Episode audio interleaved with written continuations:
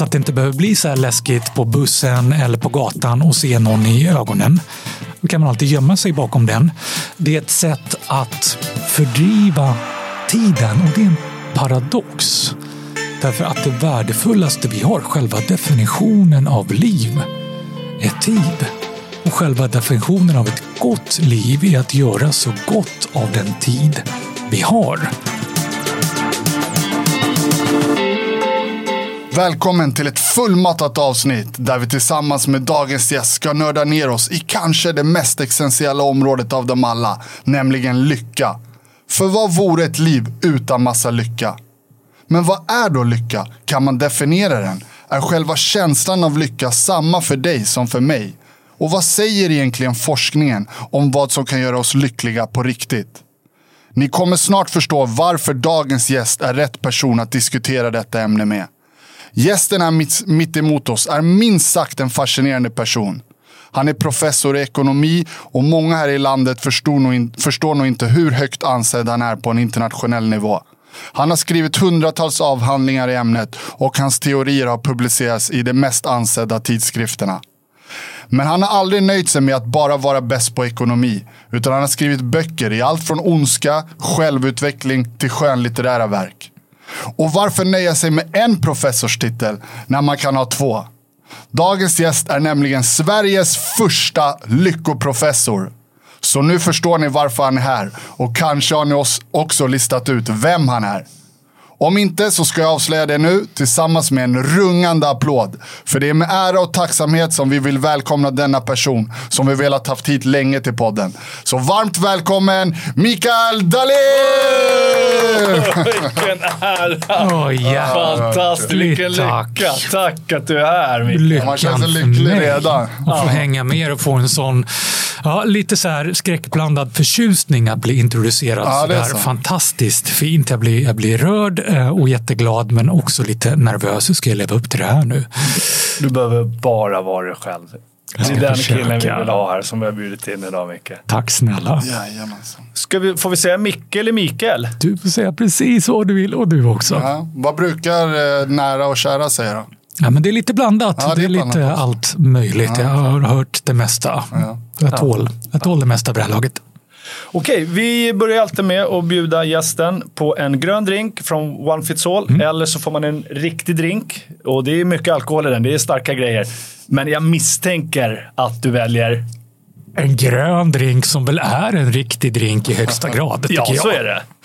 Den här andra typen av drink eh, blir lite för livad för är mig, har jag lärt mig genom åren. Men är du nykterist, Micke? Eller dricker du alkohol? Ja, jag- försöker ju att tänka i termer av att saker och ting kan förändras på alla möjliga sätt när som helst. Så jag brukar ha brasklappen just nu. Ja. Men då måste vi ju ställa en fråga direkt kopplat till dagens ämne. Mm. Eh, alkohol då? Är det någon sanning i att eh, kan det göra en lyckligare kortvarig lycka? Vad är det som händer rent kemiskt? Jo, men det kan det. Och precis som du säger, rent kemiskt, om man definierar lycka så går det att definiera med kemiska signaturer som påminner om alkohol, inte minst kokain. Om någon har provat det. Eh, annars så behöver du inte prova det så kan jag tala om att det är den här ruskänslan, eh, euforin, som är precis likadan som när någonting alldeles fantastiskt underbart händer när du blir nyförälskad, när du blir förälder, när du uppnår något mål du längtat efter och kämpat mot länge. Skillnaden är att medelst alkohol eller kokain så är det betydligt kortvarigare och absolut inte hållbart. Så det är bättre att satsa på det andra istället. Men har du prövat kokain? Det lät så nästan Jag känner ju som bara inte bara en utan två professorer i samma späda kropp att jag måste ju uttala mig med säkerhet om saker och ting. Så ja, i vetenskapens tjänst mm har Okej. jag prövat det mesta. Ja. Och det var en jäkla kick då, eller? Jo, men det är Nu ju det. Det ska inte... kokain ja, för det har många, Men, många eh, negativa Det effekter. ska han Men inte hymla med och det finns en hel massa studier Ja. på det. Att ja, det är en jäkla kick. Precis som det är en jäkla kick att vinna flera miljoner eller vad det nu är. Och det är det som liksom är lite paradoxen. Att de här kickarna är så härliga så vi vill uppleva dem igen och igen. Eh, Men samtidigt så varar de inte så. Och fallet efteråt blir eh, så pass mycket tyngre. Precis så. Mm. Bara när vi är inne på alkohol, alltså bara någon följdfråga till här. Eh, jag läste någonstans att Eh, man har som roligast inför att man ska dricka. Och sen så har man fortfarande ganska roligt om man då eh, man hade sett just på öldrickandet att de, de två första ölen, då har man roligt. Sen börjar den här, den här eh, linjära och, och, och dalar av den här linjen och det blir tråkigare och tråkigare och till slut så, så mår man inte så bra. Då. Så att, eh, stämmer det att vi mår som bäst inför vi ska festa och, Ja, så är det. Och det gäller allting. Och det finns studier på öl, det finns studier på, ska vi inte göra det här till ett helt långt program om kokain, men, men en sväng till med kokain. Sitter två gamla elitidrottare. Det finns även eh, studier och experiment med det som visar att människor som tagit kokain tidigare upplever det största ruset, inte precis när de har tagit det, utan till och med precis innan. Mm de tar det i förväntan. Och det här går att applicera på allt möjligt. Eh, semestrar, absolut största lyckan är precis innan och det finns såna här knasiga studier som visar att eh, det känns så bra på väg till ett ställe och så om man nu flyger ifrån Sverige och sannolikt Arlanda. Mm. Så en öl på Arlanda, det slår ungefär allting. Och sen är det, hela så ska man vända och åka hem. Åker du med en partner, så en brittisk studie visar att 24 procent av alla som åker med en partner börjar bråka redan i samma ja. stund. Och sen när du landar där med så. familjen, då kraschar allt. Det är bajsande barn och det luktar illa. Och det ja, eller hur? Varmt och jäkligt. Ja, men det där känner man igen. Ja. För de det där såg viktiga. jag också. De hade, de hade gjort en studie på, på torskar, sådana som eh, träffar prostituerade kvinnor. Mm. Och de åkte runt och tittade på olika kvinnor, vem de skulle välja. Och mm. det var liksom världens kick. Det frigjorde massa då endorfiner, dopamin, såna må bra-hormoner. Men sen själva akten, den var inte så märkvärdig. Utan det var det här inför, de åkte runt och vilken de skulle välja. Och då kunde de påvisa att det var ett visst typ av missbruk, av beroende som de hade byggt upp. Men eh, jag tänker också på idrotten, när, inför stora tävlingar. Ja. Då byggde man upp en förväntan. Den var i och för sig blandad med nervositet och stress och så. Men det var ju en väldigt speciell känsla. Mm. Och sen var du ju liksom inne i det här uh, lejonmodet under tävlingen i din bubbla. Och sen efteråt, då var det nästan som att det blev en tomhetskänsla. Mm. Precis som att liksom den här euforin släppte och så vart det väldigt eh, tomt. Även om du kanske hade blivit världsmästare eller vunnit. Så liksom, lyckan kom på något sätt först, men sen bara vart det en tomhet direkt. Det kände jag lite när jag lyckades med mitt stora mål i livet och, och bli världsmästare i brottning. Då, det var ju någonting som jag hade strävat efter sedan jag var liten grabb. Mm. Det var den stora drömmen och det tog mig 24 år att lyckas med det här. Men sen när jag väl lyckades med det här så kom jag ihåg att efter några dagar sedan man åkte runt och man var med på Nyhetsmorgon, det var lite olika saker och så. Sen var det bara det här? Det här jag drömt om i så många år. Mm. Liksom, så blev det en väldigt, väldigt tomhet. Som, som vad, vad beror det på då, Micke? Just det här att uh, smällen efter man upplevt någonting lyckligt. Det, finns det en sanning i det? Eller? Ja, alltså ni om några vet ju verkligen och är ju sådana alldeles ypperliga exempel på att se fram emot att eh, centrera hela sitt liv i så stor grad kring någonting man strävar mot och hela tiden närmar sig och att sen komma dit. Helt fantastiskt, men hur, hur kort det varar i relation till hur länge man ser fram emot och, och, och, fokuserar kring det där. Och tomheten som uppstår sen och som liksom kan landa i den hemska slutsatsen Uppfyll aldrig dina mål, realisera alla dina drömmar. Gör aldrig det. Alltså det är helt sjukt ja, egentligen. Det är läskigt. Här, man, man kämpar då efter kanske en målsättning i 20, 30, 40 år så når man det här och så blir man olycklig istället. Mm. Jag tänker ju på våran gamla idrottskollega och brottarkollega Mika Ljung bland annat ja. som vinner OS i Sydney år 2000 mm. och fyra år senare så väljer han att ta sitt eget liv och han mm. upplevde en enorm tomhet. Men när vi hör dig här, mycket professor och allt i ämnet, kan man då förklara det här så den vanliga lyssnaren förstår rent kemiskt? Vad är det som händer? Är det som att, jag tänker att det blir så mycket utsöndring av de här signalsubstanserna och det i hjärnan, att det nästan sen blir som en, liksom, ja men, eh, att receptorerna är fyllda på något sätt och att de sen tömmer sig och att man då går ner till en nivå under den man hade innan. Eh, eller det här är bara mitt eget antagande nu, men kemiskt förklara. Vad beror det här på? Att man är uppe och bara känner den här euforin och sen bara känner sig olyckligare än vad man var innan, kort därefter. Mm, ja, men du har helt rätt. Det, det har med kemi och ett helt gäng olika signalsubstanser att göra. Det är dopamin, det är adrenalin, ja, vi kan fortsätta länge med alla de olika hormonerna som eh, utsöndras när det kommer belöningar och det gör det när man ser framåt. något. Man känner att man tar ett steg framåt på, på olika sätt hela tiden. Så det ligger inte nödvändigtvis högintensivt som det gör när en är där och vinner medaljer och allt det där ni vet. Eh, men, men, men eh, hyggligt, typ medelintensivt så utsöndras det under en längre period så till den grad att kroppen vänjer sig vid det där. Och, och, så blir det en, en tomhet, det blir en ren abstinens i efterhand när man inte har det påslaget det. som ligger mm. hela tiden. Men jag tänker då att det verkar som att vi är som lyckligast inför saker och mm. Fredagarna kanske ja, inför helgen. Absolut, det? lyckligaste dagen på veckan. Ja, du ser. Mm. Inför semestern, mm. vi ska göra olika saker. Kan vi dra nytta av det här på något sätt så att vi blir lyckligare? Att eh, hela tiden ha saker att se fram emot? Ja, fantastisk fråga. Och det är ju liksom det andra sättet att se på den här obehagliga, väldigt deprimerande sägningen att aldrig nå sina drömmar, utan att vända på det och aldrig sluta drömma. Det är toppen att ha härliga och stora mål i livet, men tänk på dem i plural, inte i singular att det är en sak, utan då får vi hitta, göra oss någonting nytt att se fram emot, mm. eh, drömma om och så vidare. Och att verkligen njuta på vägen, inte gräma oss över att lyckan inte varar när vi kommer till det här drömtillståndet, för det gör det aldrig. Det går inte rent kemiskt återigen. Mm. Och vända på det istället, njuta av varje litet steg på vägen. Jag har gjort studier på bucket lists till exempel. Ja, den här listan en har kanske inte nedskriven, för vi skriver aldrig ner saker nu för tiden, men som man har någonstans i huvudet eh, eh, med saker vi vill göra i livet. Att bara att ha den listan, bara att ha saker vi vill göra, när jag jämför tusentals människor som har det och de som inte har det. Att ha det gör det lite lättare att komma upp på morgonen, gör varje dag lite mer meningsfull och gör att den känner sig lite lyckligare och man behöver aldrig någonsin nå det här målet ens, men att bara känna att... Bara ha målet gör ja, lycklig. Bra jag skulle nog jag har, kunna nå målet. Jag har en, en god vän till mig som också har en tacksamhetslista som han mm. har gjort. Så man har den på mobilen. Och han säger ibland så dyker jag som alla gör, jag känner mig nere och lite ledsen. Då tar jag upp min telefon och så tittar jag på min tacksamhetslista. Jag har en underbar fru, mm. jag har barn, eh, jag lever ett liv där jag får arbeta varje dag och så vidare. Så har han skrivit upp massa saker. Och varje gång jag tittar på den listan så känner han sig direkt lite lyckligare.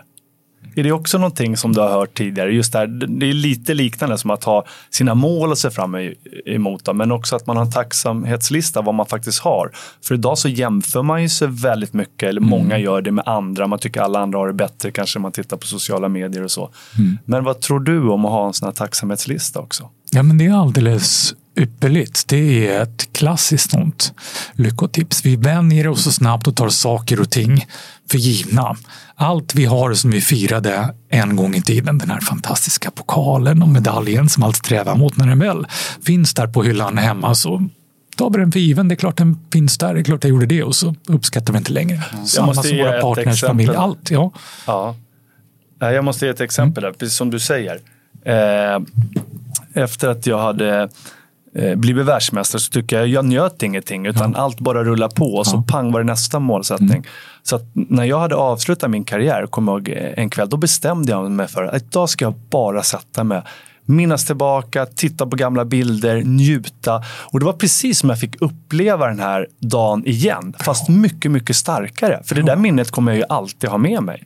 Och det kan man väl applicera i många olika saker, tänker jag. Det kan vara en bra dag på jobbet eller någonting man upplevt med sin familj eller någonting annat. Oh ja, ett, ett av mina bästa tips är att fira mer.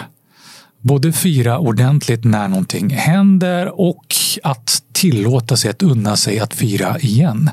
Precis som du gjorde. Mm. För även om man inte vinner medaljer och stora mästerskap och allting så gör vi ju alla saker som är rätt fantastiska mm. men som vi allt för sällan tillåter oss att fira som varande fantastiska. Vare sig det är att man gör någonting strålande i skolan, man har brottats med matten alla gånger. Till slut så lyckas man knäcka den där långdivisionen eller man lyckas göra den där dribblingen man har jobbat med eller ja, precis vad som helst. Barn såna... kanske är lite bättre på det där, eller? Um, ja. Man tänker så här, uh, när man ser liksom ett barn göra någon liten, så här, kanske lyckas med en kullerbytta för första gången. Mm. Och så, då ser man att eh, den där, uh, de springer runt och firar och sen pratar de om det efter träning. Såg du mamma, såg du pappa? Precis så. Så vi kanske tappar någonting på vägen. Ja. Jag kom på en skitbra grej där. Ja. Du slog ju mig en gång i karriären. Ja, just det. Varför går du inte tillbaka och tänker oftare på den här matchen? det var en jävla kick för dig. Kolla, nu vill jag skryta också. Han glömmer bort att han var nio år äldre. Och ändå Babykiller. Baby Men äh, vad heter det? vet du vad jag tänker Micke? Låt oss gå tillbaka äh, från början. Äh, och, eh, vad är lycka då egentligen? Går det att definiera? Alltså, vi sitter ju här redan nu och börjar prata om olika teorier och eh, fakta också för den delen. Men Lycka, vad är det för någonting? En jättebra fråga som har en hel massa svar. Lycka kan vara glädje, eufori. Lycka kan vara en nöjdhet och en skön känsla i magen, en tillfredsställelse med livet på det stora hela. Ehm, och beror lite på när och var och vem du är i livet.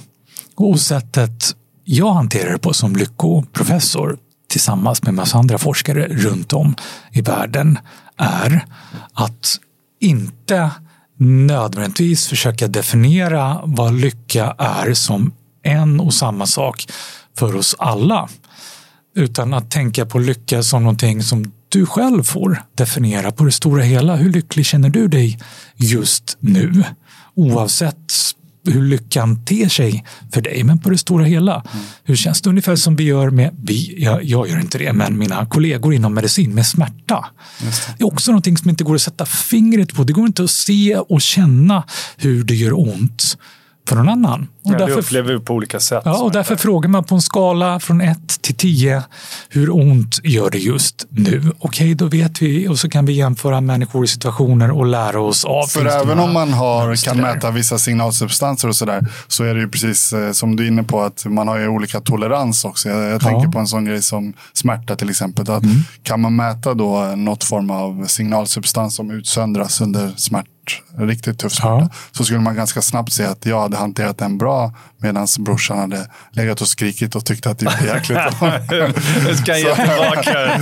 så, det, men det där jag menar, att, eh, samma sak med alkohol till exempel. Du kan dricka tre shots här och jag kan dricka tre shots. Men kanske jag hanterar det bättre eller tvärtom.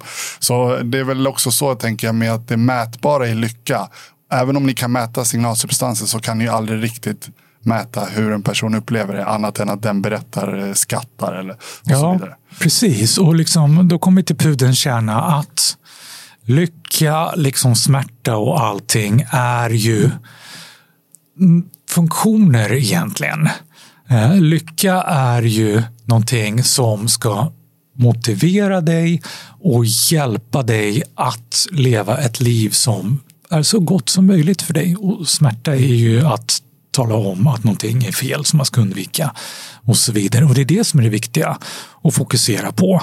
Egentligen kan vi öka din lycka kan vi göra den mer stabil, vad det nu är för någonting. Och så fokuserar vi på den nivån, hur den varierar och likheter du har med andra så kan vi se gemensamma nämnare som verkar vara lika för många. Vi kan se vad som är unikt för dig och hur det kan påverkas utan att fastna i okej, okay, exakt mm. vad är det för någonting, utan vad syftar det till och så fokuserar vi på det. Ja, men då tänker jag, kan vi känna konstant lycka? Det låter ju väldigt konstigt för mig att vi ska vara här uppe hela tiden. Utan behöver vi inte komma ner, nästan ner i avgrunden ibland för att verkligen känna när vi har de här topparna? Kontrasten mm. mellan Jättebra att kanske fråga. vara nere och uppe. Ja, det finns liksom så två delar i det där beroende på hur en då ser på lycka. Det går att se på lycka som lite som man gör med feber, att nu känns det lite extra bra. Nu är det inte bara som vanligt utan nu känns det bättre. Feber är ju egentligen bara en statistisk artefakt. Det har bara att göra med att din kroppstemperatur är för dig onormalt hög och det varierar mellan människor och så vidare. Om vi tänker likadant med lycka så är det när du fått en skjuts upp från din kroppstemperatur, ditt normaltillstånd och för övrigt har lycka och kroppstemperatur också ett samband. Mm. Och, och, då landar vi liksom i att okej, okay, det här när du gör en avstickare när det känns, nu känns det extra bra. Mm. Det har jag studerat på hundratusentals människor. Det kan vara väl nog längre än feber, eh, men inte hur länge som helst. Det jag har funnit är att det varar sällan längre än tre månader. Okay. Händer någonting jättestort, häftigt i livet, du blir världsmästare, du blir förälskad i den här människan som du blir resten av ditt liv med. Eh, du får en jättehäftig karriärmöjlighet, du vinner miljoner vad det än är. Jättestort, jättehärligt, upp febrigt lycklig så. Men ja, ungefär tre månader senare i bästa fall är du stort sett tillbaka på samma nivå. Mm. Och har man den här, går man ner då i, i liksom ganska djupt när ofta efter en sån där total lycka man har haft eller liksom varierar det väldigt mycket mellan människor också. Jag tänker man har varit, det har hänt någonting och varit jättelycklig och som vi pratade om den här tomheten innan som man kan känna då att man behöver någon ny kick eller det måste hända något nytt i livet för att nästa våg av lycka ska skölja över en. Mm, lite två delar i det där. Det ena är hur länge du sett fram emot det här och haft den här medelintensiva förskjutningen uppåt med små, små belöningar nu är närmare då blir det en större dipp. Så. Det andra är hur du ser på det här fantastiska. Du vann miljoner eller vad det nu är för någonting och sen kommer du tillbaka till det som är din inom stationstecken normal nivå.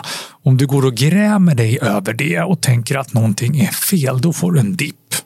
Om du inte gör det, det är ganska mycket en inställningsfråga, då är du bara tillbaka på normalnivån. Men det finns definitivt en poäng i det du säger att den här normalnivån som vi tar för given och som är hög här i Sverige så är det den sjätte högsta i världen. Svenskarna? Då? Ja, oj, oj, oj. Enligt FNs mätningar som gör en World Happiness Report mm. varje år där de rankar 137 länder. Men sen, vi har ju också mycket självmord här i Sverige. Hur går de delarna ihop då? Mm. Man kan ha många lyckliga kanske fast man har en stor andel som är depri deprimerade. Kanske. Kan Klyftor ja, även där. Eh, om vi ser på landet som ligger högst i världen i eh, snittnivå så är det Finland som de flesta känner till och förknippar med depression och självmord. Så ja, det ena utesluter inte det andra. Eh, ska en bli väldigt krass men du ska vara en riktig ekonomiprofessor och helt okänslig. Som du också är. Både lycko och ekonomi. Nej, ekonomiprofessor. inte okänslig. Inte okänslig, men lyckoprofessor. Var dålig timing på den kommentaren. Ja. Nej, men så sker det ju, det är hemskt att säga så här, men liksom rent lyckoekonomiskt så sker det en sortering att de människor som är olyckliga, om de tar steget så långt så att de mm. begår självmord, då försvinner ju de från genomsnittet, ah, drar inte ner det längre. Så det, det låter ju jättehemskt ah, okay. och det är hemskt att säga så. Men och försvinner de från statistiken? Att olyckliga människor försvinner på ett eller annat sätt eller flyttar utomlands eller vad det nu är, mm. gör ju att snittnivån höjs. Liksom. Men, men det är viktigt att komma ihåg, ja, väl nog. Eh, ett enda självmord är ett enda. Det är alldeles för mycket i sig. Varje självmord är ett för mycket. Så, men, men väl nog så, om vi ser till den totala populationen, så är de ändå extremt få. Det är för väl. Vad kan man då säga om eh, eh, de olika faktorerna då som du kan se som ett mönster i just där om man kollar alltså på nationsnivå, om man börjar där. Mm. Vad är det som gör att till exempel Sverige och Finland ligger så högt upp? Vilka faktorer kan man direkt se liksom ett samband mellan. På lycka. Mm. Ja, men en anledning till att Finland ligger så högt eh, eh, kopplar till det du Martin sa om det här med att man kan behöva nedgångar för att förändra referensramen så att man inte går och grämer sig över att allt inte bara är topp, topp, topp som man har upplevt förut och hoppas på. Och jämfört med det så är det riktigt illa. Utan dalar som gör att den uppskattar och är tacksam för mm. det den har. Och finnarna har ju ett eh, talesätt, det kan alltid bli värre, som jag tycker väldigt mycket om, som låter ganska deppigt så. Men, men det är just den referensramen att på det stora hela så är allt inte perfekt och topp, topp, topp. Men det är inte så illa som det skulle kunna vara i en, två... Spännande, så egentligen kanske finnarna går runt och är skitolyckliga, men det krävs så himla lite så att de får ändå de här liksom så här, ja men nu är jag lite över min normalnivå. Vi känner ju mycket finnar via brottningen och finnarna är bra i brottning också, men man har ju svårt att se sig finnarna som ja, lyckliga. De ser jag är så jädrans lycklig. Nej, men de är inte spralliga, eller hur? Det är de verkligen inte, men det innebär också att de inte har dippar på samma sätt. Vi, vi kan ju liksom äh, ganska lätt frammana bilder av andra nationer där, där man ser betydligt yvigare ja. lyckoutspel och sånt där, men också mycket större svängningar. Och den typen av lycka som har att göra med att se på sitt liv på det stora hela. Mm. Hur känns det? Hur nöjd är jag med det? Där ligger finnarna. Så. Men en följdfråga då på miljö. Eh, för vi har ju i alla fall liksom växt upp med den här myten av att eh, ja, men svenskar är lite introverta och sådär. Man stänger in sig, det är mörkt. Och, eh, Medan man kommer lite sydligare breddgrader att ja, men då är de så glada för de är så extroverta och de är ute och umgås mycket mer. Är det bara en myt eller? Ja, men då pratar vi verkligen om två olika dimensioner av lycka. Där det ena är en sorts livstillfredsställelse, en sorts känsla av att jag lever ett bra liv. Eh, och det andra är den mera intensiva glädjedimensionen av lycka. Och det kan, kan, väl också vara en viss personlighet. För ser man de här, som du säger, på sydligare breddgrader, de är ju mer extroverta och glada, glada ser ut som och pratar mer och gestikulerar. Så de ser ju lyckligare ut, men vi mm. vet ju inte vad de känner inombords. Det är en jätteviktig del. Så det är liksom som två delar där. Det ena är att den intensiva delen av lycka, glädje och frid, den är mycket kortvarigare. Och om man räknar på det, vilket jag har gjort, så upplever de flesta av oss det i någon form i stort sett varje dag. Men om man ställer sig frågan till gör jag verkligen det så är det ett tecken på att ja, men de är så kortvariga att mm. vi kanske inte ens riktigt ens kommer ihåg dem i efterhand. Så det kan svara på hur man kan ha dem men ändå på det stora hela inte hamna på en högre genomsnittlig lyckonivå. Det andra som du säger Martin är att det finns en asymmetri på gott och ont i att lycka och de här positiva eh, eh, avvikningarna i sinnestillstånd är mera expressiva. De uttrycker vi mera. Mm. Vi skrattar högljutt, vi ler, det syns på oss. Rent evolutionärt så har det en poäng. Medan olycka, ångest, ängslighet, eh, besvikelse, allt det där är mycket mera inåtvända. Det visar vi inte på samma sätt. Och det är väl bra på sätt och vis, då smittar det inte av sig på andra, men det är också ett problem om vi nu pratar självmord och andra hemska saker. Att vi delar lyckan, jättebra, det ska vi göra. För delad lycka smittar av sig ju fler glada. Men när vi mår dåligt håller vi oss med det för oss själva. Vilket gör att vi har svårare att komma ur det. Vi behöver prata om det här. Ja. För jag kommer att tänka på direkt, jag hade två tvillingar i min klass, ettan till nian och ja. sen så började vi gymnasiet tillsammans. Då. Eh, och eh, den ena av de här tvillingarna valde att ta sitt liv när vi ja. bara var 16 år gammal som jag hade känt sedan, sedan sju års ålder. Men alla var så förvånade, för han var så glad, han log jämt, han var liksom extrovert och sådär. Eh, så alla var ju i chock.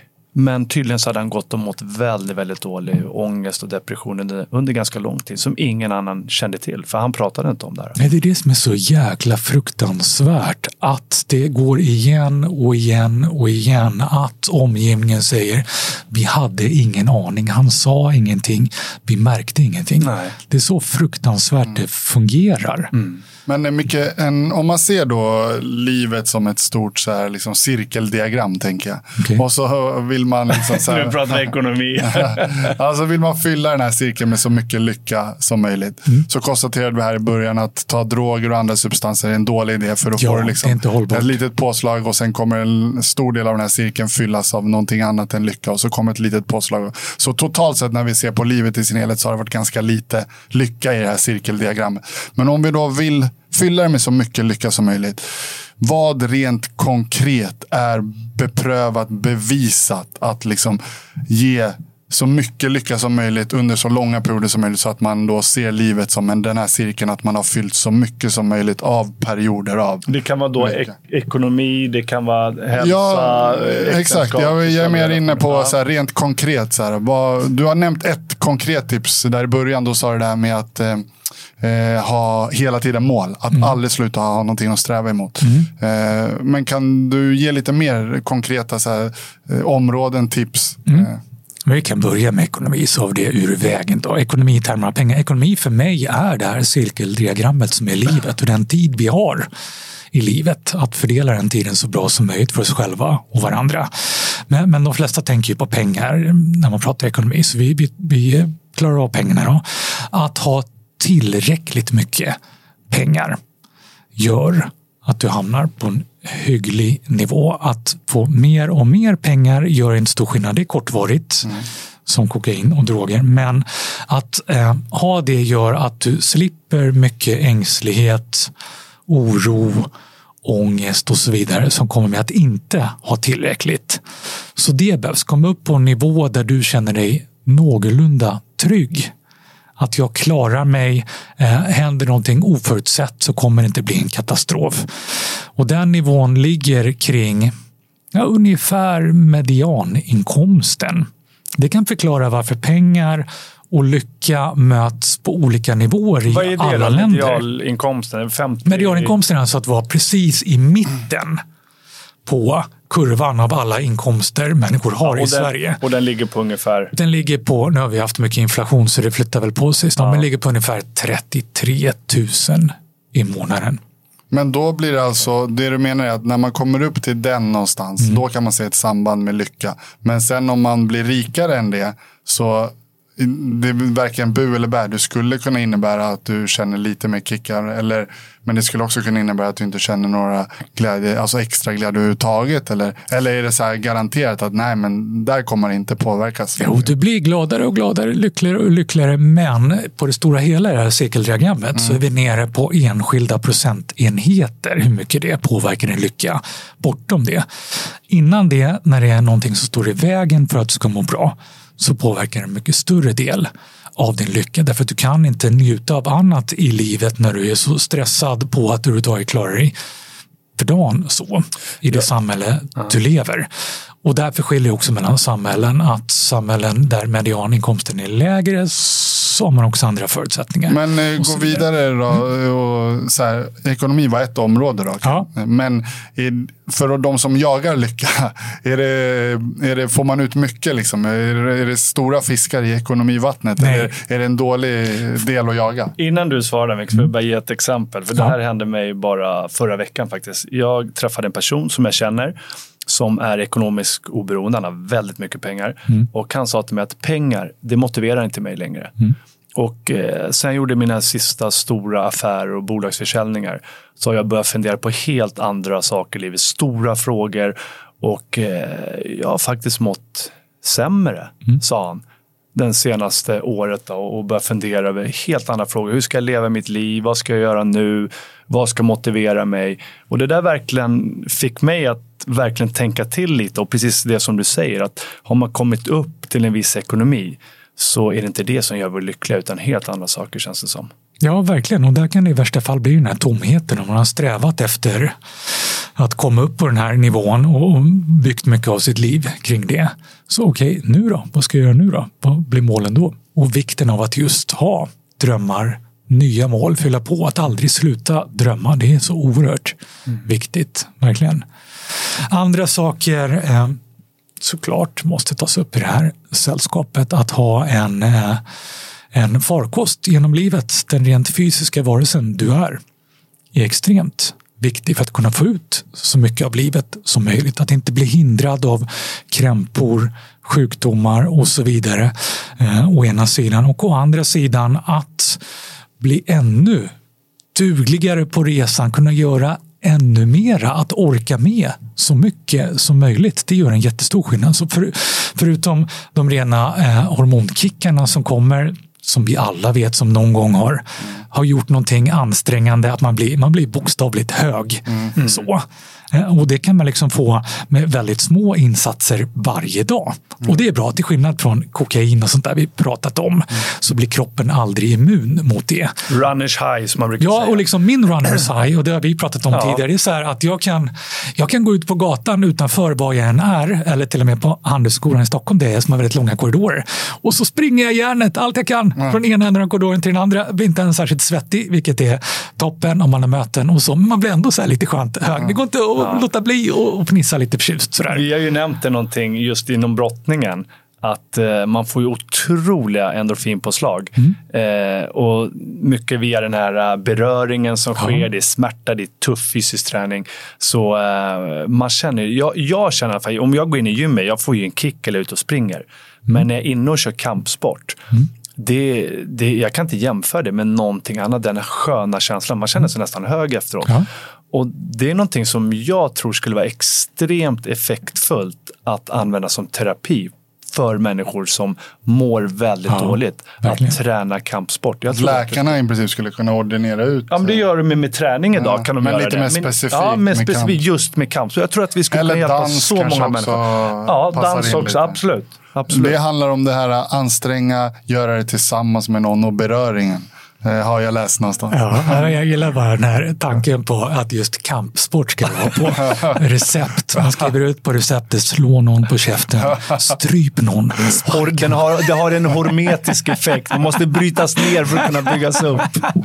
Två det... milligram kampsport och så ett milligram dans. 20 sekunder chokehold, strypning. Nej, men, eh, det är liksom, där har vi två där. Det ena är att det krävs så lite. Vi, vi verkligen underskattar betydelsen av eh, fysisk ansträngning. Eh, man tänker så här, ah, jag måste springa minst ett maraton. Nej, det kan räcka att springa järnet 10 sekunder. Det kan räcka så mycket så här ni beskriver. Så, så det är det ena. Eh, Men då, rör förlåt, på dig. Bara mm, just inom dag. området där, mm. träning.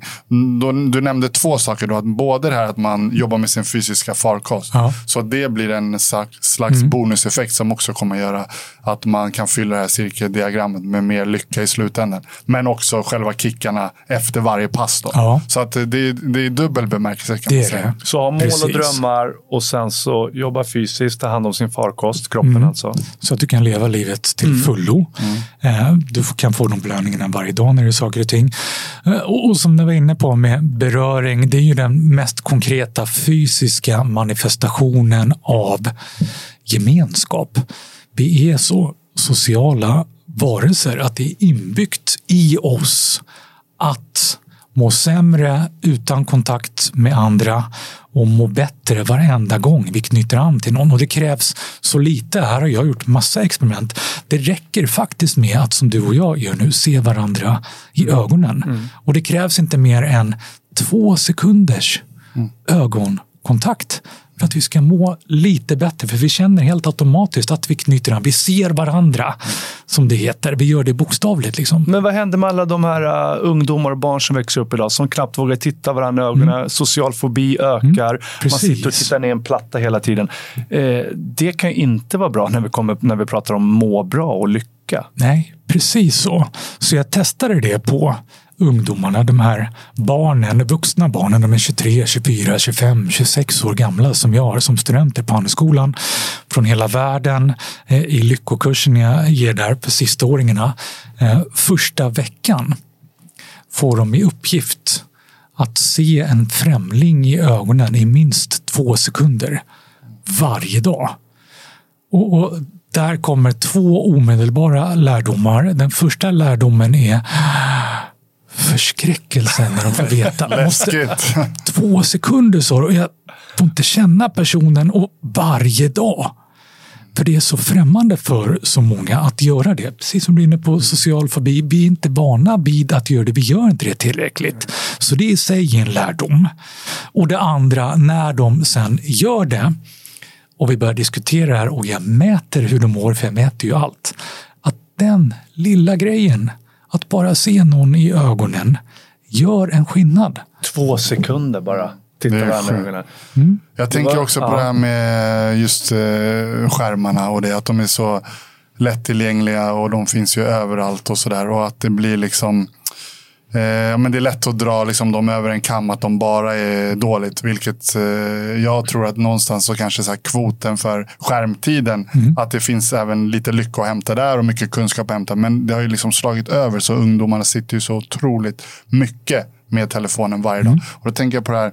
Jag hade dottern för några år sedan som var ute på kollo mm. sommar. Och då tog de ju mobilerna eh, när de kom dit. Och så fick de liksom ringa ett samtal varje kväll.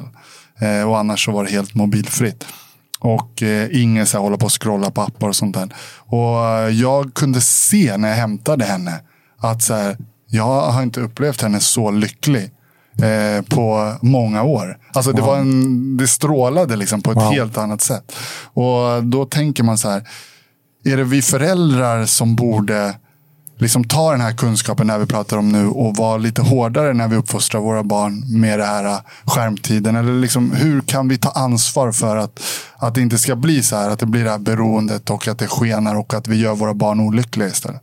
Det är så, innan Micke svarar, bara, det är så häftigt det du säger Jimmy, för jag upplevde exakt samma sak. Min dotter Nathalie, hon tappade sin mobil i vattnet. Och hon var utan mobil, jag tror att det var i tre månader. Oj. Ja, tre månader innan hon köpte en ny.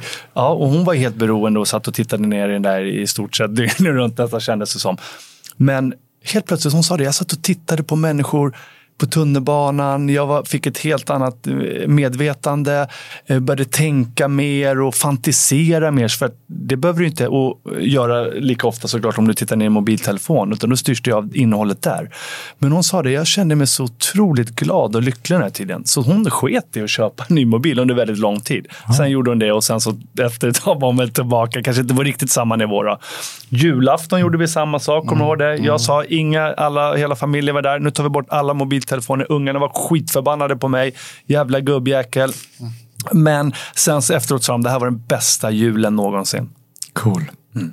Väldigt häftigt. Men vem, hur gör vi då för att inte det ska skena? Vad skulle du säga? Är vi för eh, slapphänta? För nu är ju det lättillgängligt. Det är som att vi slänger fram massa alkohol här och liksom säger ja, men det är lätt att man krökar lite för mycket. Mobilerna är ju överallt och skärmarna. Men eh, hur ska vi föräldrar tänka tycker du? Då? Och hur påverkar den barnen? Mm, jättebra frågor. Och jag tänker att vi inte ska tänka riktigt i termer av att bli hårdare och sätta gränser så, utan att det snarare är ett tecken på att vi behöver bli bättre. Dels på att tillsammans med våra barn och för alldeles egen del lära oss att använda skärmarna. Alltså anledningen till att skärmarna kom till en gång i tiden var ju precis som med föregångarna till skärmarna, telefonerna att faktiskt koppla samman oss så att vi ska kunna mötas. Det är det de egentligen är till för. Mm. Så det borde ju vara samma effekt som att se varandra i ögonen, komma närmare varandra och må bättre. Men någonstans på vägen har vi glömt bort det och så blir det mycket ett istället för. Istället för att möta någon så gör vi det här. Så att det inte behöver bli så här läskigt på bussen eller på gatan och se någon i ögonen. Då kan man alltid gömma sig bakom den. Det är ett sätt att fördriva tiden och det är en paradox. Därför att det värdefullaste vi har, själva definitionen av liv, är tid. Och själva definitionen av ett gott liv är att göra så gott av den tid vi har. Och frågar en människor, vilket jag har gjort och kollegor har gjort, om du kunde välja mellan de två stora resurserna vi tänker på i livet, tid eller pengar, vilket vill du egentligen ha mest av? Så svarar de flesta, men det är ju tid och pengarna är ju egentligen till för att jag ska kunna köpa mig tid sen. Mm. Och så vidare. Så på det stora hela vet vi ju det, men i det lilla varje dag som ju är livet. Livet är ju de enskilda dagarna som tillsammans blir ett helt liv. Glömmer vi liksom bort det och så fördriver vi tiden. Tiden vi vill ha fyller vi med saker bara för att fylla den, för att ha någonting att göra som är skärmen. Så det vi behöver bli bättre på och träna på tillsammans se hur vi fyller den här tiden, hur skärmen hjälper till att fylla tiden med sånt som gör livet bättre. För det var därför vi började med skärmar från början. En sån enkel sak som som jag också testar eh, är att eh, be människor, det gör jag när jag helst ute eh, föreläser med vuxna människor i bemärkelsen de är 30, 40, 50, 60, 70, 80, 90 år. Och med mina studenter att varje dag höra av sig till någon du kan ringa, men det tycker de flesta är läskigt. tycker jag också. Skitläskigt att ringa människor. Då kan du skriva någonting istället. Någon person du tänker på under dagen men nog inte hade hört av dig till om inte jag gav dig det i uppgift. Någon person du inte har hört av dig till, pratat med på länge. Det kan vara en släkting, det kan vara en barndomskompis, alla de här människorna som är viktiga för dig men som inte finns i ditt dagliga liv. Använd skärmen till att höra av dig och det är så häftigt mm att få se effekterna på välmåendet där, både hos den som hör av sig och den som får de här orden “jag tänker på dig”. Mm. Och hur mycket sannolikheten ökar att de faktiskt bestämmer sig för, men ska vi ses på jo, riktigt skulle, Det där är ett jättebra tips. Har vi mm. någon, har du, tänker du på någon nu när Micke berättar, någon som du inte har hört av dig på, till, på länge då, som du skulle kunna ringa och Ja, som du tror skulle bli väldigt glad. Och... Det är många gamla vänner som dyker upp. Så här, som man tänker att eh, av någon anledning så kanske vägarna inte ja. korsas lika ofta längre. Men man har många fina minnen tillsammans. Och, Eh, ja, man skulle uppskatta om de själv slog en signal. Så. Verkligen. Ja, du vänder på kakan. han vinkar ut han vill att någon ska sig. Han vill inte ringa själv. Han vill att någon ska ringa. Ja, nej, men, men, det är absolut. men en fråga då Micke. Vi, vi pratar om olika länder och man är så lyckad. Men kan man se när på dygnet exempelvis man är som lyckligast och när på året? Och så tänker jag också. Jag kan ju känna själv ibland att om vi ser på dygnet. Jag kan känna mig jättelycklig vissa stunder, det gör jag varje dag. Men sen har jag vissa perioder när jag kan känna mig inte alls på G och lite ledsen och nedstämd. Och ibland kan det vara nätter och månader som är värst. Men sen på dagen, då kommer jag igång och så ökar det så känner jag mig liksom på G igen. Mm. Men det går ju upp och ner. Mm. Men finns det något generellt där att säga på dygn och och eh, eh tid eh, under året. Jag tänker kanske kön också, män och kvinnor när det kommer till lycka? Jättebra fråga och eh, klockren observation att nätter mår vi generellt sämre och det visar sig bland annat i, återigen på skärmarna, de här hemska sakerna folk skriver till och om varandra eh, görs oftast på nätterna. Det är då trollen mm vakna till liv och, och det läskiga är att det trollet kan vakna till liv i stort sett vem som helst som på dagen aldrig skulle uttrycka sig på det här sättet och tänka på det sättet. Och alla har vi nog legat och grubblat och haft nattångest över någonting som inte känns lika farligt på dagen sen. Ja. Så det är viktigt att vara medveten om, vara extra försiktig med, med skärmar och beslut på nätterna och så vidare och förstå att det har mindre att göra med vem du är och det du står inför och mer att göra med hur du fungerar över dygnet och dygnsrytmen. För vi kan liksom lätt förstora saker och ting och liksom ha svårt att separera att nu mår Det är samma som hangry, det här eh, engelska uttrycket att när du är hungrig så kan du bli vresig och dum och elak och allt sånt där. Men för att vi inte kopplar samman när du är trött, om du har sovit för lite. Det finns massa sådana faktorer och även årstider. Eh, februari, värsta eh, månaden i Sverige i god konkurrens med november. Januari, mars och så vidare. Vadå, vi är som minst lyckliga eller mest olyckliga i februari? Ja, minst lyckliga i februari. Men du har väl något tips? Var det inte någonting du brukade göra på, på febru i februari månad? Var det inte så? ja, jag slog ju på stort och låste in mig hela februari. Jag hade min egen äh, fy fan för februari podd. så att jag kunde sitta inomhus ja, och så satt jag bara och letade upp allt som var fel med februari och berättade för resten fan, av Sverige. Jag fyllde år i februari, det var inget bra. så alla andra skulle bli låga och så fick jag den här effekten. Ja, nu mår alla andra sämre och det känns det lite bättre för mig i jämförelse. Nej, inte så. Men eh, är du född i februari? Mm, första. Toppen! Det finns studier som visar att människor som är födda i februari har den längre förväntad livslängd än alla andra månadsbarn. Oh, yes! och det, har att göra, det, det har att göra med att februari är den värsta månaden. Det är kallast, det är värst på virusfronten och så vidare. Så tar du, dig, ja, tar du bara igenom den här första månaden, februari, ja, då tar du igenom April vad som då? Finns det någonting där? Eller är det bara ett aprilskämt den här killen sitter Som man ska stå ut med i flera hundra år.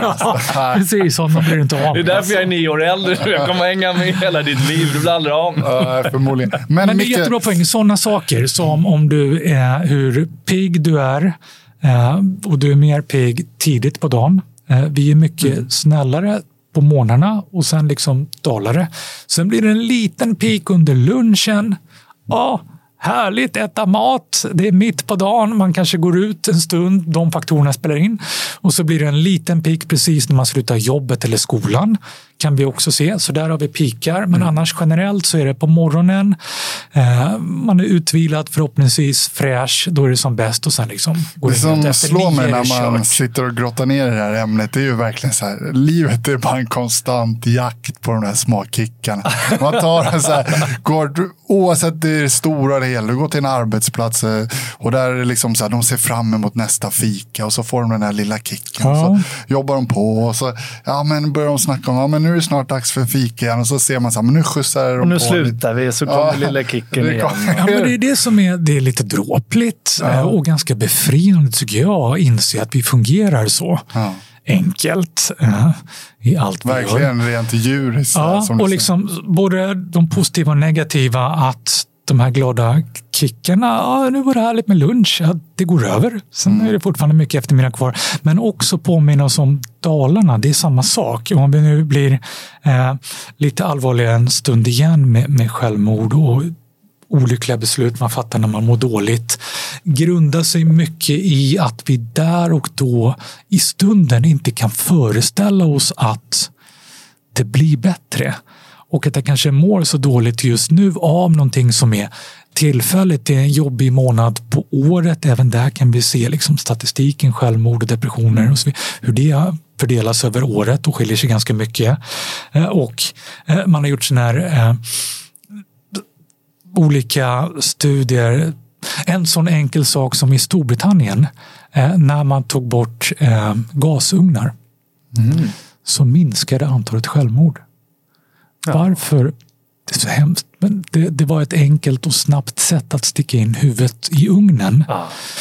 Och bara genom att man gjorde att det inte lika omedelbart gick att komma till den slutliga lösningen minskade självmords... Så han det vända kanske? Ja, precis. Ja. Och det är det som är så viktigt att påminna. Så det är därför vi behöver dela med oss. Det är därför vi behöver uppmärksamma människor Det är jätteviktigt att höra det från någon som rent kemiskt har studerat det här. Just som du säger att om man är där ute nu och mår väldigt dåligt och det kan kännas nattsvart. Mm. Så om man bara försöker påminna sig själv om en annan typ av känsla som man haft när det inte var så nattsvart och bara tänka den tanken att men det här är tillfället, jag kan snart vara i den där andra känslan ja. snart igen. Så Precis tror jag att, så. Eh, som du säger, för att man lurar sig oftast att ja, men det här är något bestående när man känner sig olycklig. Ja. det kanske, eh, vändningen kanske så är precis är runt det hörnet. verkligen extremt viktigt att vi alla hjälps åt att påminna oss själva och varandra om det. Mm. Och även när det inte är nattsvart, men bara den här när man blir lite grinig sådär, när man bråkar med sin partner eller vad som helst. Att också bli bättre på att se att det väldigt ofta har att göra med små externa saker. Som att jag är hungrig, jag har sovit för lite, jag har rört på mig för lite. Det är den tiden på dygnet, det är den tiden på året.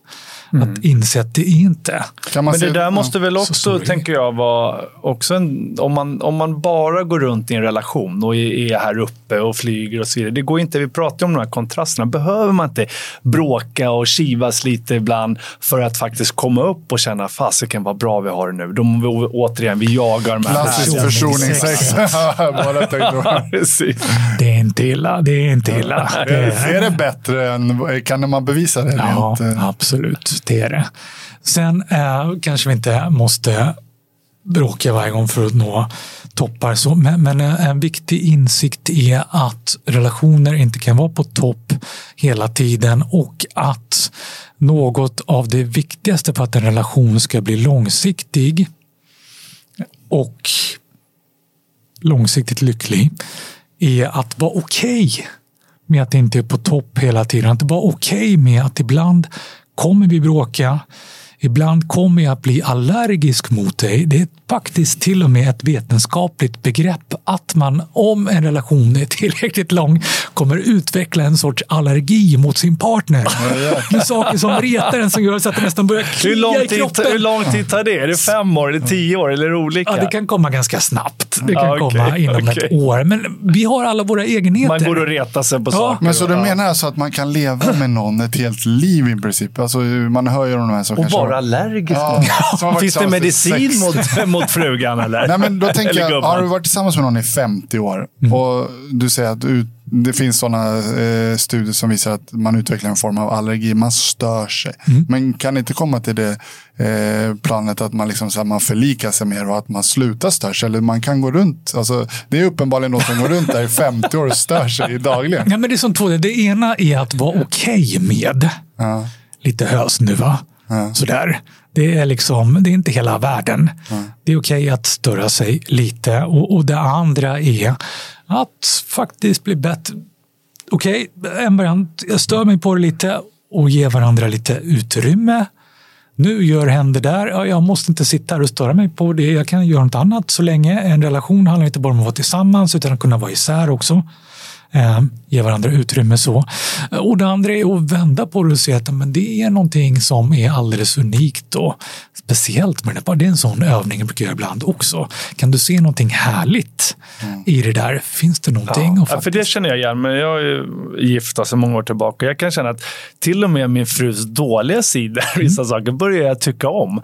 Och just där ibland man kommer i tjafs, men man vet att vi tar oss förbi det där. Och sen så har vi det jättebra periodvis och så. Då. Eh, Så det känner jag verkligen igen. Precis så. Jag tänker på en sak när vi är inne på relationen. Ja. Förlåt Micke. Eh, det här med impulskontroll, eller jag vet inte vad man kallar det rent. Mm. Eh, ja, men, ja, vad man kallar det egentligen i professortermer. Men om vi tittar på den grejen. att så här, Mycket av eh, relationer som, är, som vi har varit inne på nu avgör hur man mår och så. Mm. En ensam människa eh, per definition mår sämre än en Jo. människa med eh, mycket relationer runt sig. Men då tänker jag på det här med just så här, impulskontrollen. Att, eh, du var inne på det, om man är trött, om man har ätit för dåligt eller så vidare så kan av någon anledning då rent kemiskt att man eh, har sämre impulskontroll och kanske har lättare till att agera i ilska eller i affekt. Ja. Och det sen kan skapa bieffekter. Att man börjar bråka med någon Ja. och så blir det långa perioder av olycka på grund av det. Finns det något konkret tips där hur man kan undvika att göra de här misstagen i affekt som sen får bieffekten av att man hamnar i knas i sina relationer som i sin tur får bieffekten av att man blir olycklig. Ja, men två grejer. Den första är samma som lärs ut i självförsvar. Att se till att inte hamna i situationen från första början överhuvudtaget. Eh, Lär dig att känna igen signalerna innan. Eh, Vad gäller lycka, välmående, de här jobbiga situationerna man hamnar i. Där, rutiner. Ja, precis. Vet jag, att Det går inte att överskatta betydelsen av goda rutiner så att du aldrig blir så trött, blir så hungrig, mår så dåligt. Att bara ha de rutinerna så att det automatiskt rullar på. Det gör mycket, mycket större skillnad för Frukost, välmåendet lunch, middag, måltidsordningen. Jätteviktigt då. Ja, jag vet Ja. ju. Du och jag Det känner vet jag, Jag har koll på din mat och sovklocka och allt det där. Det gör väldigt mycket, mycket mer än man tror. Så det är det ena. Utveckla, träna på bra rutiner. Mm. De varierar mellan oss, men, men liksom hitta vad som är dina rutiner som får dig att ligga på en, en bra nivå överlag. Det andra är, och det är inte lätt, men räkna till åtta. Får inte räkna till tio. Det är ingen som orkar, så det är lite skönt att veta åtta. Åtta är ganska länge nog. Men faktiskt, om vi liksom ska bli riktigt nördiga, som var löftet, hotet i början där. Så åtta sekunder är så lång tid det tar för hjärnan att skifta perspektiv. För empatimaskinen att komma igång. Okej. För skiftet så att du liksom kan se på dig själv på omvärlden med den andra personens ögon och så vidare. Att den där personen menar kanske inte egentligen. Så himla det här intressant. det kan ju vara ett bra sätt. Jag tänkte om man är väldigt impulsiv som man kan bli i de här stunderna. Man är hungrig, man är trött ut eller någonting så kan man göra saker som man egentligen inte vill göra och det får konsekvenser. Eh, jag kommer ihåg eh, en sak när jag var kanske arg, irriterad förut. och kunde jag nu jädrar ska jag dra iväg det här sms och så började jag skriva så här. Men sen så började jag med en rutin att varje gång jag hade varit arg eller hade skrivit det här, eller vad kan det ha varit mejl. Då är jag så här, nej men jag väntar med det här och så skickar jag det imorgon istället. Så lät jag det där vara och så gick jag in dagen efter när jag hade lugnat ner mig, och hade ett helt annat eh, sinnesro. Och så gick jag och sa, men herregud, det där hade Ja, men det är så bra tips. Vet du hur många konflikter som skulle kunna undvikas med det här tipset? Älskar jag det du gav nu, just den åtta sekunder. För det som Martin säger, det är också såklart det bästa om man kan sova på saken. För att i affekt, om man bara tänker så här, nu tar jag ett eh, konkret exempel, men du sitter på Tele2 Arena och kollar på Hammarby. Mm. Och så gör domaren någon, någonting konstigt och man hör eh, 300 män skrika massa fula ord. Hade de bara räknat till åtta mm. så kan jag garantera att inga av de där hade skrikit de där orden som de skriker. Så att i en relation... Hör ni det alla Hammarby-supportrar? Räkna till åtta nästa gång det händer ja, men Då något. tänker jag i en lite viktigare, i en ännu viktigare kontext kanske då, då i hemmet, liksom, ja. i, i relationen till ens barn eller till ens partner. Det är så många sådana här äh, grejer som skulle kunna undvika att man sårar den andra eller skrämmer den andra. Om man bara just vid den här första förnimmelsen bara så här, okej okay, jag agerar inte i affekt. Jag räknar till åtta. Mm. Jag vill kalla dig för att du är dum i hela jävla huvudet. Men mm. det ville jag just då för att du hade tryckt på någon knapp. Men om jag bara så här lugnar ner mig lite så vill jag inte göra det åtta sekunder senare. Ja, så ett superbra precis. tips. Och jag har två andra konkreta grejer. Det ena är om du är i närheten av en kyl. Så här, cool off som man säger på engelska, så gör det bokstavligt. När du känner någonting så stoppa in skärmen i kylen i åtta sekunder. Varför? Ja, då når den inte. Dessutom är det så att när du väl stoppar in den så säger jag, ah, titta här fanns något riktigt smarrigt att ta och då känns det genast bättre som det så ofta har att göra med sådana biokemiska grejer. Får en liten dopaminkick. Ja. ja. Eller en annan variant, den här är lite svårare men så extremt jäkla skitbra. Att okej, okay, jag, jag, ska skriva något, jag ska göra något jätteelakt, men innan jag får göra det så måste jag först skicka något snällt till någon annan. Oh, okay, jag vill skriva något, men då passar jag på. Jag skickar något snällt till någon annan. Så då har du liksom två positiva delar av det. Dels så har du liksom fördröjt det här som kommer kännas bättre efter åtta sekunder och dessutom har du då fått ett tillfälle, en sån automatisk trigger på det här som inte alltid kommer automatiskt att höra av sig med något snällt till någon annan. Vilket jäkla bra mm, tips. Det där kommer jag verkligen ta till mig. Att när man väl är arg, förbannad eh, och vill göra någonting och agera på ett visst sätt så ta ett, ta ett sms, skriv ett sms och skicka något snällt till någon annan. Mm.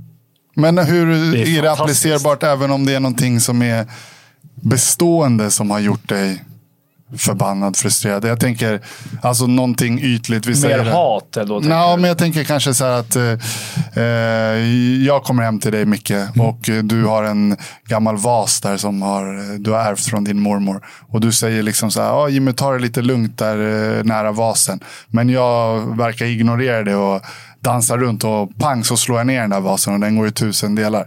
Och den kommer liksom aldrig Fan vad arg han blev. är, det, är det lika applicerbart då? Liksom? Hur ska man, vad ska man tänka då för att inte... Ja, hur skulle du tänka i en sån situation? Ja, men det är ju fortfarande en affektsituation, någonting som händer där och då. Sen kan man gå och gräma sig över det i efterhand. Men den här explosiva, bokstavligt explosiva ilskan, frustrationen, irritationen eller vad det nu är, går över. Så alltjämt avvakta på det sätt du nu kan. Men jag tänker alltså mer större händelser i livet. Att du kanske lever i en relation, din fru eller din man är otrogen mot dig. Eh, då kan du bygga upp ett väldigt, väldigt stort hat som får dig att gå omkring och må väldigt dåligt och vara olycklig. Ja. Vad tycker du man gör i en sån situation? Ska man ändå kunna förlåta för att också kunna läka och, och hila själv? Eller? Vissa människor verkar ju ha behovet av att liksom läka genom att tömma på någon annan? Är det en fungerande teknik? Liksom att här, gå runt och hata på någon? Eller gå runt och, både det lilla och det stora. Du liksom eh, skriker att jag är den klumpigaste jävla idioten och du verkligen börjar hata mig för jag hade ner din vas. Eller som Martin säger, att man går runt i veckor, månader och liksom, år. Ja, ett helt liv som vissa människor letar straff för att straffa den här personen som har gjort en illa. Så här det där kan väl aldrig vara en fungerande teknik för att själv må bra? Eller? Nej, det är alldeles sant. Det är mänskligt att känna så. Vi alla har gjort det och kommer göra det igen. Så det är inget fel på oss och det är det ena att komma ihåg att vara lite snäll mot sig själv och inse att sånt kan hända. För annars är det en risk att man förnekar det och då jobbar man inte med det som är så mycket. Det första är liksom bara att vara okej okay med att det är naturligt att det händer. Hur kan jag hantera det då? Det är det ena. Och sen som ni säger, eh, tänka på, på två sätt. Det ena är hur påverkar det mig i min vardag att den här personen gjorde det, att den här personen finns och så vidare. Påverkar det mig egentligen? Väldigt mycket av det vi ondgör oss över ondgör vi oss över i, ja, inom stationstecken i onödan.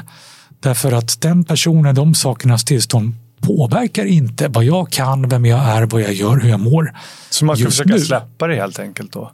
Ja, du, du ger ofta det här mer utrymme än, säger ekonomiprofessorn igen då. Mm. Det utgör din livsekonomi. Mm.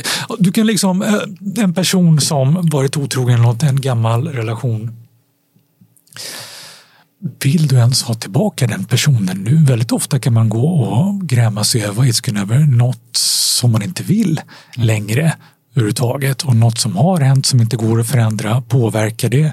Jag vinner ingenting här och nu. Det är intressant det du sa nu. Det är som att gå på glödande kol brukar jag säga. Det är Om... bara man själv som skadar sig genom att gå och hata eller saker som har hänt. Man... Och just att man går runt och tillåter sig själv att vara olycklig genom att känna massa dåliga känslor mot en person. Fast om man går till kontentan så vill man inte ens ha tillbaka personen. Mm. Då är det verkligen onödigt att mm. gå runt och vara olycklig. Precis, så istället för att tänka tillbaka på vad hände då? Vad är jag sur över? Okej, okay, vad är jag arg över som händer nu?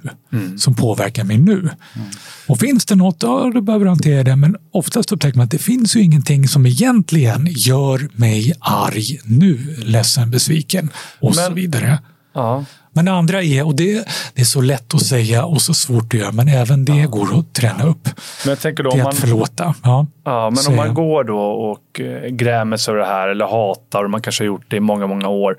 Eh, och det kanske eh, det sista man vill göra egentligen. Men kan det inte finnas en poäng att ändå ringa upp och kanske försonas med den personen för att själv kunna gå vidare och bli lycklig igen. Ja men precis, att förlåta är det som är så svårt. Mm. Eh, och då märker man ofta att den där personen som man går och är arg och ledsen på och tänker hen gjorde det här utan att tänka på mig. Hen kan alldeles säkert ha gått och grämt sig och tyckt det varit jobbigt men inte klarat av. Så man kan hjälpa. Och det är också en sån övning jag gjort med eh, människor och testat. Det är att vända på det. Eh, alla har vi nog, om vi tänker efter, någon eller något. Eh, vi skulle vilja säga förlåt till eller för. Men vi tycker det är jobbigt och svårt och tänker kanske till och med tvärtom att den här personen bryr sig inte. Och det kanske inte gör. Men gör det. När jag har fått bland annat mina studenter och gör det, vilket också är skitjobbigt. Eh, säg förlåt. Hör av dig till någon och säg förlåt över någonting. Jag tycker också... Så det funkar det. Det är jobbigt och svårt men det är enormt ja, befriande. Och så kan man ibland till och med få veta att det jag grämt mig över och säga förlåt om det var inte så stor grej för den här ja. andra. För när vi kommer till det här med, såna. med förlåtelse. Mm. Jag, jag, vet ju att när du var liten och yngre så blev ju du eh, mobbad. Mm. Eh, har du kunnat förlåtit de här människorna som gjorde det här mot dig? Jättebra fråga. Det där är Eh, det, det, kan fortfarande påverka mig och inte gentemot dem, men i vem jag är. Att jag fortfarande är socialt ängslig under perioder och så. Och då är det bra att påminna om varför är jag det och påverkar det mig egentligen här och nu? Apropå det där. Men, men ja, eh, några av dem har hört av sig i efterhand och det tycker jag var helt fantastiskt att de gjorde. Det gjorde mig eh, glad och ödmjuk. Eh, och också när vi pratade om det, insikten, det här med åtta sekunder, de räknade inte åtta då, jag gjorde inte det. De förstod inte ens riktigt vad de gjorde. Nej. Och effekten av det förstått det först långt i efterhand. Jag tycker det är intressant det här med hur de olika känslorna står i liksom relation till varandra. Och då är det, det som jag varit inne lite grann på nu är kanske det här med eh, ja, men de lite mörkare känslorna. Ilska, mm. besvikelse och sådär. Och då tycker jag också att det är lite skillnad på liksom, om någon medvetet har sårat en upprepade gånger. Om man har en till exempel då varit med en partner som har varit systematiskt otrogen mot en. Då kanske det är någonstans förlösande att känna liksom ett, eh, ja, men en besvikelse och förakt och sådär. Det kanske finns liksom. Men sen finns det andra situationer där kanske den andra inte medvetet gjorde någonting. Men ja, nu har vi tagit det här vasen-exemplet. Men jag hade sönder den här vasen, men det var mm. inte med meningen. Och då måste det vara Alltså det finns så många som går runt och stör sig och känner massa hat och så mot människor som kanske har gjort någonting men som inte ens har varit medveten handling mot det. Så jag tycker ändå det är lite olika saker liksom per definition. Ja, det har du rätt i. Men första är att ens bli varse den distinktionen och inse att väldigt ofta när oförrätter sker så gör de det inte medvetet. Den här personen menar inte så illa, kanske inte ens förstår att den gjorde det illa. Så det är det första, bara upptäcka det och vilken skillnad det gör.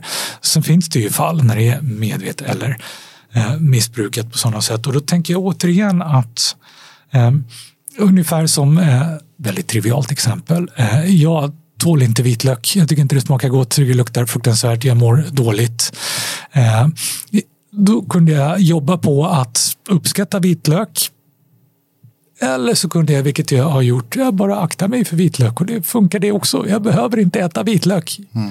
Samma där, är det någonting du stör dig på så väldigt ofta så är en ganska snabb och fungerande lösning att bara utsätta dig mindre för det. Men ibland känns det som att det. vissa människor nästan gillar att irritera sig på ja. andra. Och vi tänker på sociala medier, de går in och följer någon som de verkligen irriterar sig på och skriver dumma kommentarer. Varför ens följa en människa som man irriterar sig på? Mm.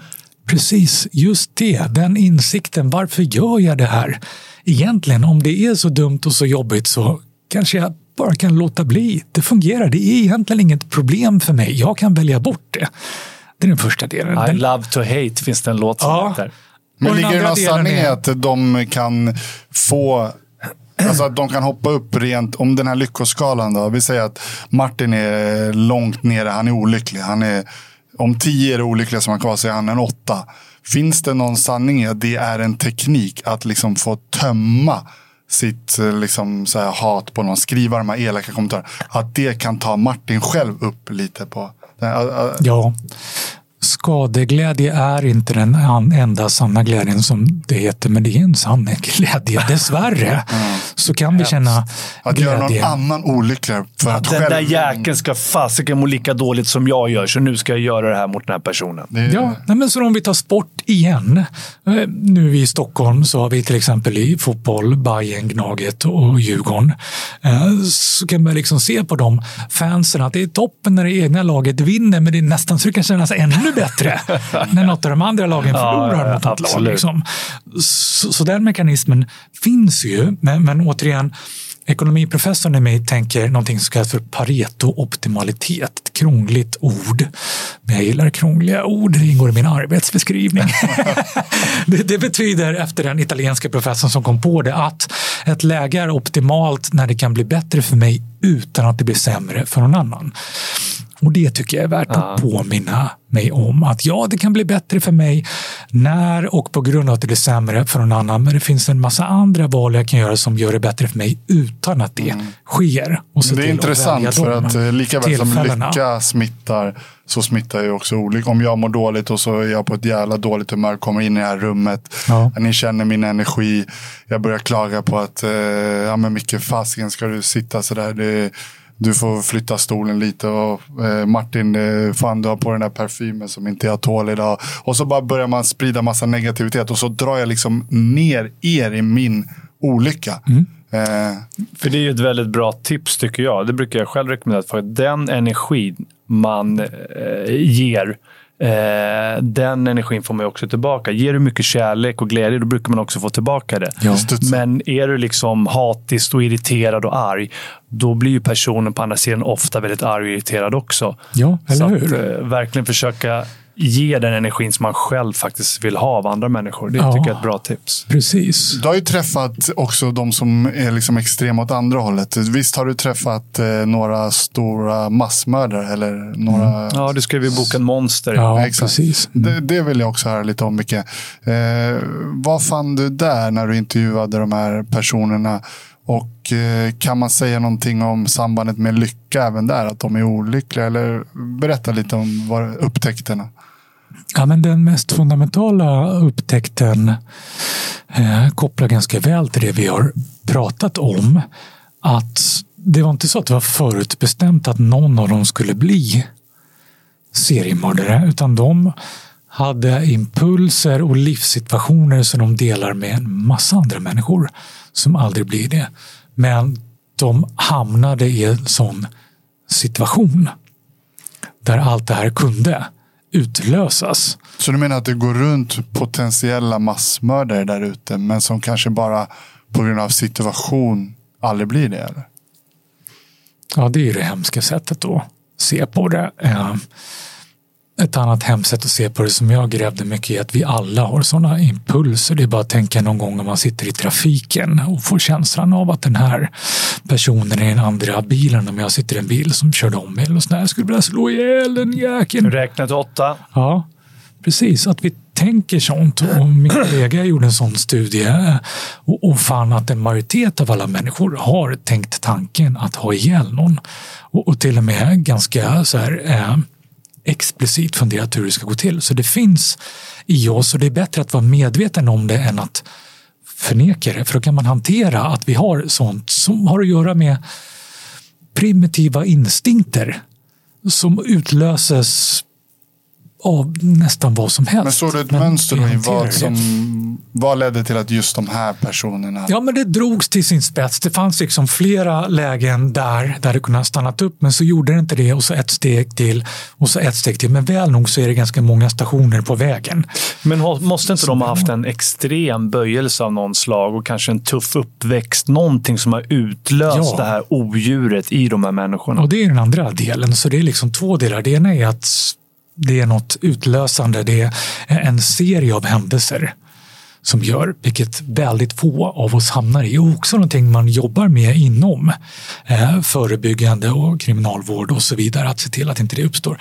Och det andra är, som du är inne på, att eh, man har en sån böjelse som till en viss grad eh, medfödd psykopati, att man inte har eh, begränsningar, man har inte gränser, man har inte empati för det där som gör att det tar inte stopp. Empati då? Här. Är det, det är en känsla eller vad? Empati är att kunna se in i och med andras ögon. Att de är inte bara i det här videospelet jag sitter och spelar och skjuter ihjäl. De är liksom inte bara såna här Att kunna det? känna en NPC, andras... som Förstå måste- en andras känslor då? Och de är också människor. jag. Precis Så om du, som jag. säger, om du kallar mig för något fult ord här då. Om du är helt empatilös, då förstår inte du att, det, att den saken kan såra mig. Eller vi tar ett ännu mer konkret exempel. Den här mobbaren då. Mm. Om eh, jag till exempel säger till eh, någon eh, anhörig eller någon jag inte känner så här att Fasin, du är så jäkla ful. Alltså din näsa är verkligen extremt ful. Mm.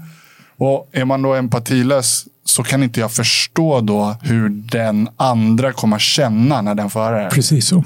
Det är så ja. Precis, och jag kan ha svårt att förstå att den andra personen ens är en person på samma sätt som jag. Och vissa har bara inte det där eller har Nej. mindre av det. Och- Precis, en del föds med. Eh, Just det, man har mer eller mindre redan från födseln. ja, Just det. men sen går det att utveckla och då ofta säger man att det är sociopat istället för psykopat för att det är någonting som man har socialiserats till. Alltså det är skillnaden Svår... när man utvecklat det genom... Ja, precis. Man kan ju Svår faktiskt mäta empati, eller hur? Precis ja. som du säger. Ja, och det var lite roligt för att en gammal kollega som jag hade, eh, han fick alltid höra av sin fru att han hade väldigt låg empati. Och vi mätte det här, då gjorde ett typ av psykologiskt test. Då. Mm. Och det visade sig att han låg ju skitlågt på empati. Och mm. hans fru ringde upp mig. Vad var det jag sa? skrek hon. Men det låter inte så kul att leva Men jag skulle vilja backa tillbaka lite till det här med boken Monster. Mm. Du träffade ju massmördaren Charles Manson bland ja. annat. Mm. Och det påverkade dig otroligt mycket, eh, vad jag förstått det som. Mm. Till den illa graden att du kanske inte bara på grund av det, mycket annat också, men du har ju själv eh, ja, blev utbränd mm. eh, ganska så nära in på det här. Och det här mötet påverkade dig mycket. Vad var det som hände där, Mika? Varför påverkade det dig så otroligt mycket, det mötet? För att den här skarpa linjen mellan ond och god raderades ut i alldeles för hög grad. Eh, från att ha tänkt att Charles Manson, liksom sinnebilden av ondska med, med två horn i pannan så är på ena sidan och allt ont är där borta och allt gott där jag finns och människorna omkring mig finns här. Och att det är antingen eller, men att upptäcka i honom att inte ens Charles Manson var Charles Manson 24-7. Han hade liksom goda stunder också. Han hade människor han månade om. Han hade liksom sina stunder av omtanke och allt det där. Såg du saker du gillade hos honom då också? Även om det kanske tar emot att säga det. Men... Ja, det var liksom också en jobbig grej. För det, vi hade ju liksom, vi hade vissa beröringspunkter i hur vi växte upp. Vi hade beröringspunkter i intressen, musiken och där är en sån grej. Han ville ju bli eh, rockstjärna. Eh, lång historia som jag inte ska dra, men det var flera lägen där han försökte bli refuserad och allt sånt där. Och varje blev ett steg längre. Och sån här what if gay. Tänk om man hade fått uppfylla sina drömmar på det sättet. Då hade nog aldrig där andra hänt så. Men jag växte upp och ville också bli rockstjärna. Blev mm. inte det. Jag blev professor istället, men det blev helt okej. Okay, Tyckte så. du synd men, om han? Ja, men det fanns delar i jag kunde liksom tycka synd om, inte den han var när jag träffade honom, men den han varit. De liksom skepnader han haft på vägen så. Så att se att han hade inte horn i pannan hela tiden och från att han föddes. Och att också upptäcka i mig och när jag sen började göra studier som jag gjorde på människor omkring dem eh, och människor omkring mig så här att ja, men vi har alla vissa instinkter och stunder. Vi har inte ihjäl människor, men vi kan tänka ganska hemska saker. Vi kan göra, vi kan skriva, vi kan säga och så vidare. Den... Var det läskigt för dig? Och du pratade om det här, gränserna mellan det goda och det suddades ut. Det verkar ha påverkat dig mycket. Då. Ja, det Förklara lite, lite mer. Då. Varför blev det så läskigt? Det blev jobbigt för det blev så mycket svårare att nu behöva hantera det här istället för att bara konstatera att så är det. De är där borta. Vi är här borta. Nej, allt det där finns. Vad som helst kan faktiskt hända. Och vi behöver liksom jobba med att stävja det dåliga och att verkligen främja och kultivera. Det går då att tatuera in den här, det här hjärtat på, på halsen som en påminnelse till mig och till alla jag möter att i varje givet läge välja det goda, det omtänksamma. För det är så många lägen där vi står inför val som vi oftast inte ens är medvetna om är val. Mm, mm. Att göra det ena eller andra. Det är inte så att det automatiskt Nej. bara sker. Men ska... för, alla dina tatueringar har väl en betydelse? Ja, alla ja, är och sådana. Och minnen, saker du har varit med om och som ska påminna dig om saker precis, framöver i livet. Precis, och påminnelser om någonting jag har lärt mig, ofta den svåra långa vägen och sen upptäcker att jag lite för lätt glömmer bort eller inte tänker på. Så då, tänk på det där, kom ihåg det. Ja. Men det är ju väldigt intressant det här med att du är lyckoprofessor. Eh, du hjälper människor och, och, på olika sätt och inspirerar människor eh, när det kommer till välmående och lycka och så vidare. Då. Men du har själv varit eh, gått igenom eh, en, en tuff tid som du berättade här. Du har varit mobbad som liten.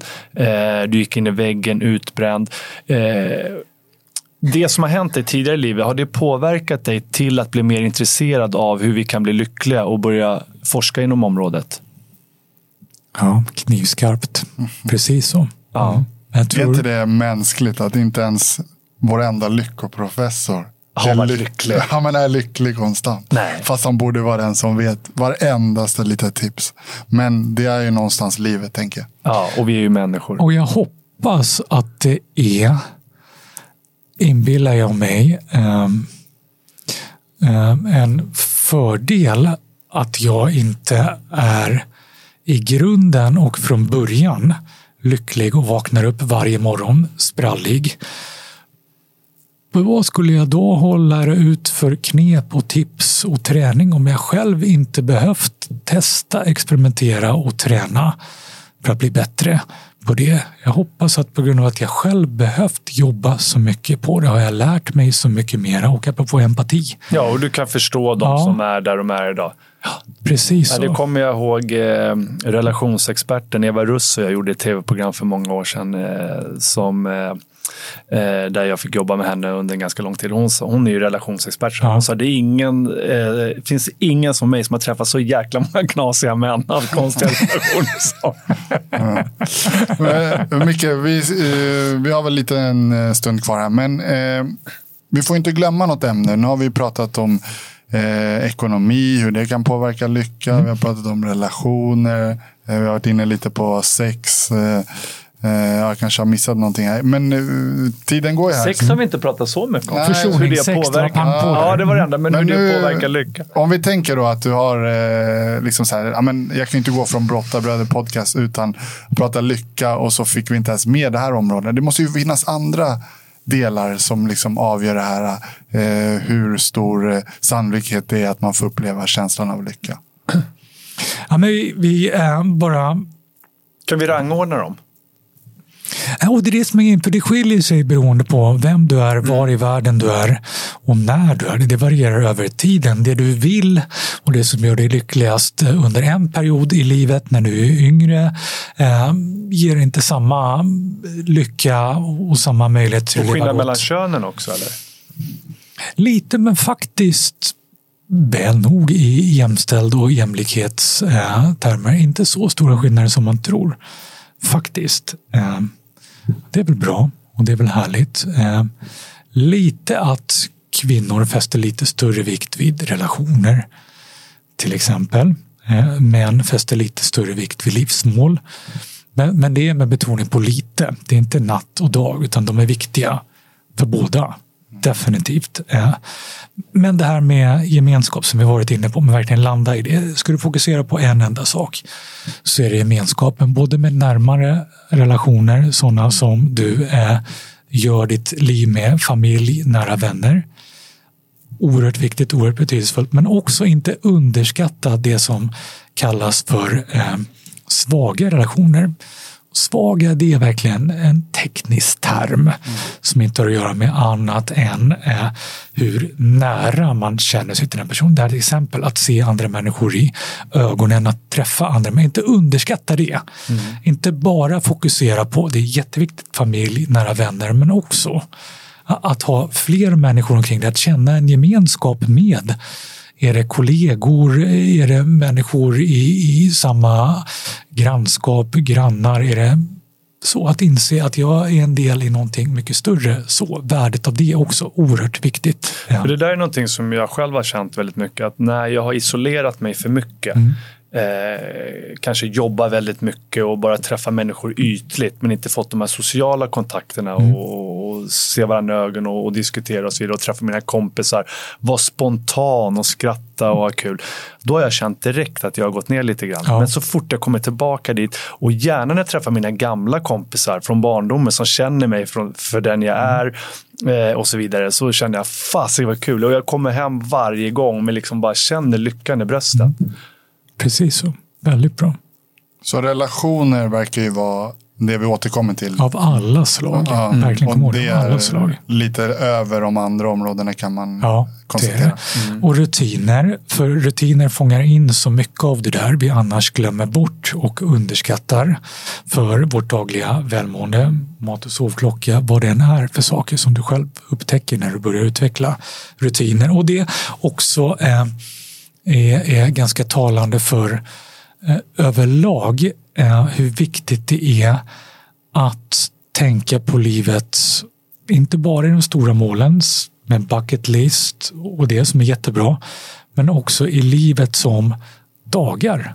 Mm. Som till syvende och sist gör livet och att hitta, göra, unna dig glädjeämnen varje dag.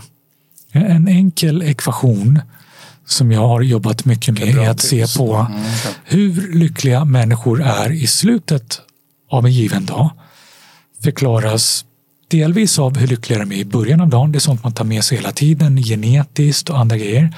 Men till minst lika stor del av vad som hände och vad de gjorde under just den dagen. Mm, det är så färskt. Mm. Så det är så viktigt. Men är nästan alltid den här lyckan kopplad till att du har gjort någonting tillsammans med någon annan? Eller är det lika mycket är det lika lätt att hitta lycka i någonting du bara gör med dig själv? Jag tänker till exempel att om du sitter och äter en god bakelse men du är bara helt själv. Liksom.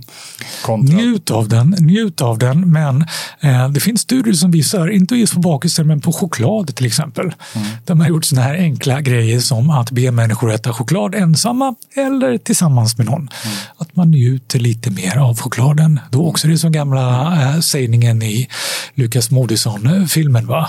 Hellre gröt tillsammans än fläskfilé. Men då ska man helst kanske dela den med någon som man trivs med och tycker om med. För annars, det kan man känna, om man kanske sitter där med någon som man inte trivs med, då har man ju en olustig känsla i kroppen. Och då ja. kanske det inte blir ja, det är ju extremerna.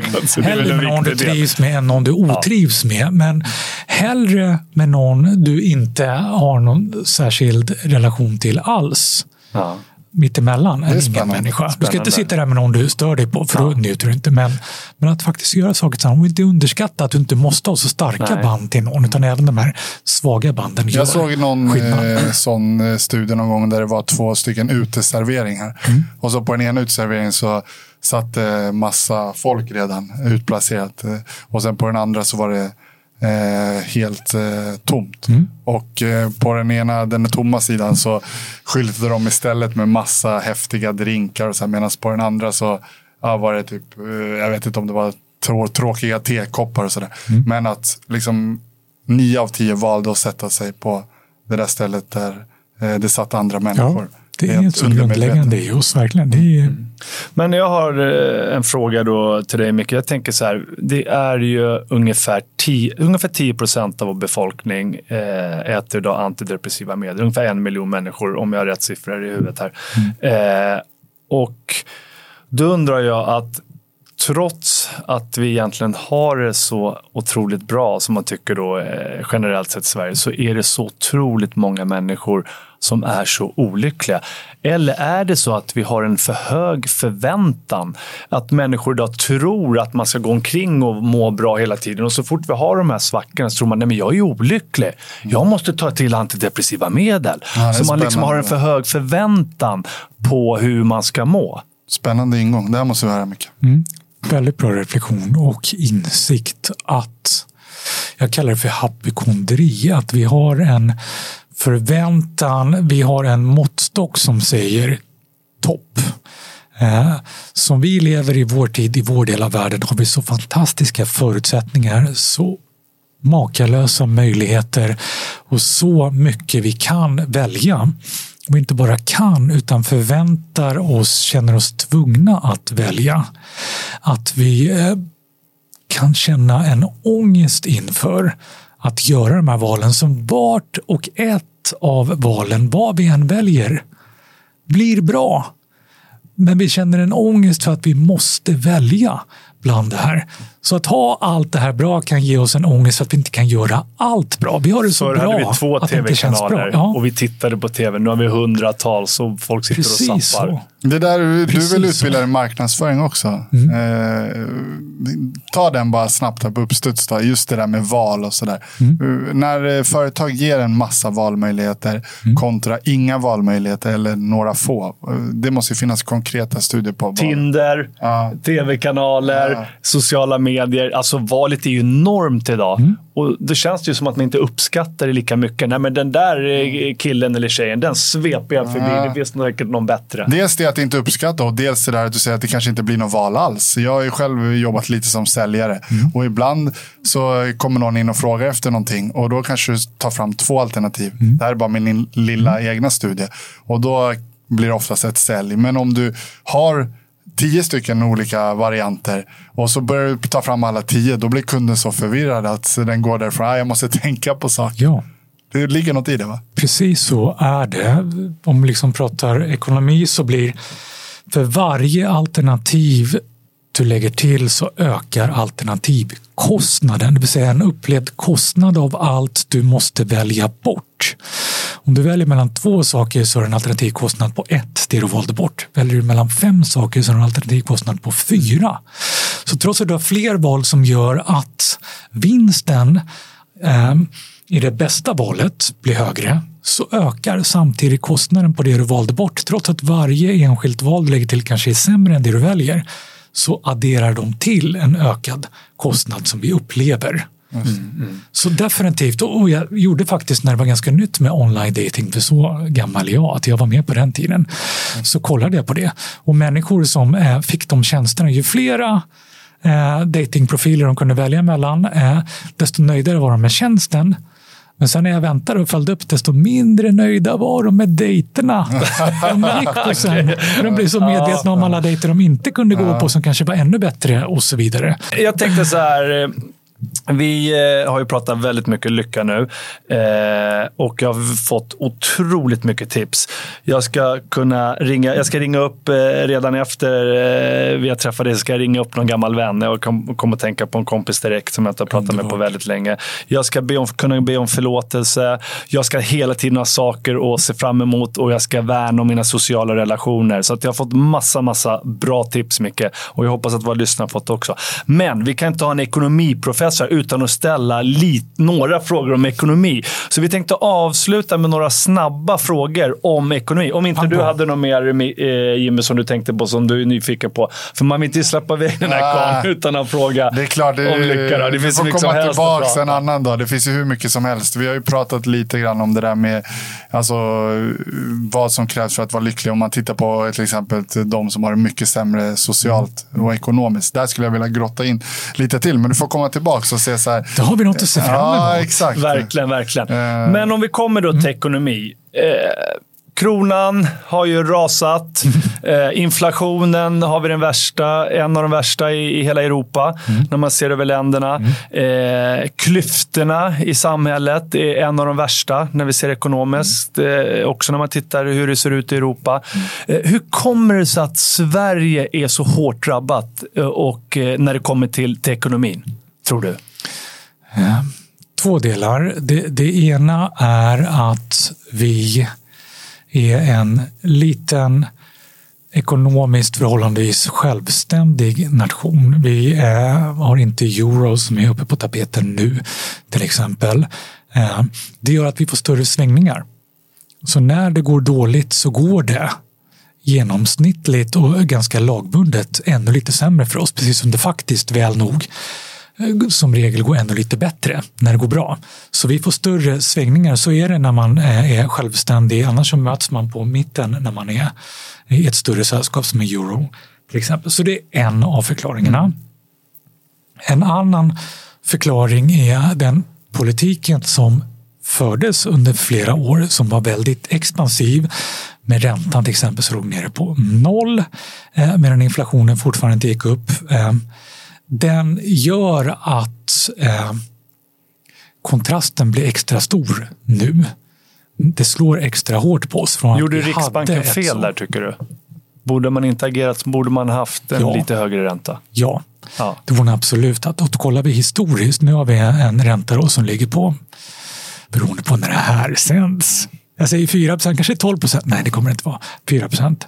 Eh, den verkar jättehög. Går vi historiskt så är inte en 4% i ränta så väldigt hög.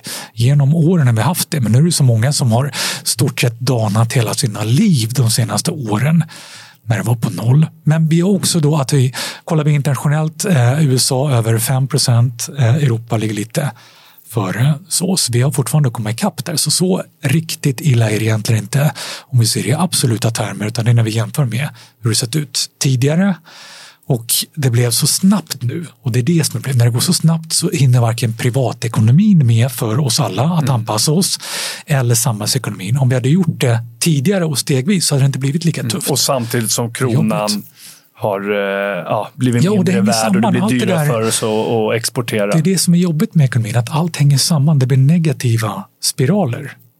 Mm. En låg ränta sänker värdet på kronan vilket påverkar inflationen, vilket kräver att man skjutsar upp räntan, vilket försvagar ekonomin, som sänker kronan, som gör så allt det där blir väldigt olyckliga mycket, de här som, eh, Det finns ju mycket missnöje nu, just som du säger att ja, men det känns som att eh, varför kom åtgärderna för sent? Eller, eh, om man då tänker på räntan då, till exempel, mm. att den var nere, som du säger, nollränta mm. under lång tid. Och eh, det som händer då är ju att människor börjar belåna sig och börjar konsumera ja. eh, över sina tillgångar och så vidare. Och eh, sen så ska någon få betala priset och då höjs räntan i takt med att inflationen stiger. Och den lilla människan då, du och jag eller mm. kanske vi får betala priset. Men är det då inte befogat med ett visst missnöje mot bankerna, mot liksom de som har kunnat förutse och kontrollera det. För att de klarar sig, ser det ut som, eh, även i de här tiderna. Och det bygger ju någonstans ett, eh, ett missnöje. Det hör man ju liksom ute i kulisserna. Är det bara så här det fungerar? Ska vi bara förlika oss med det?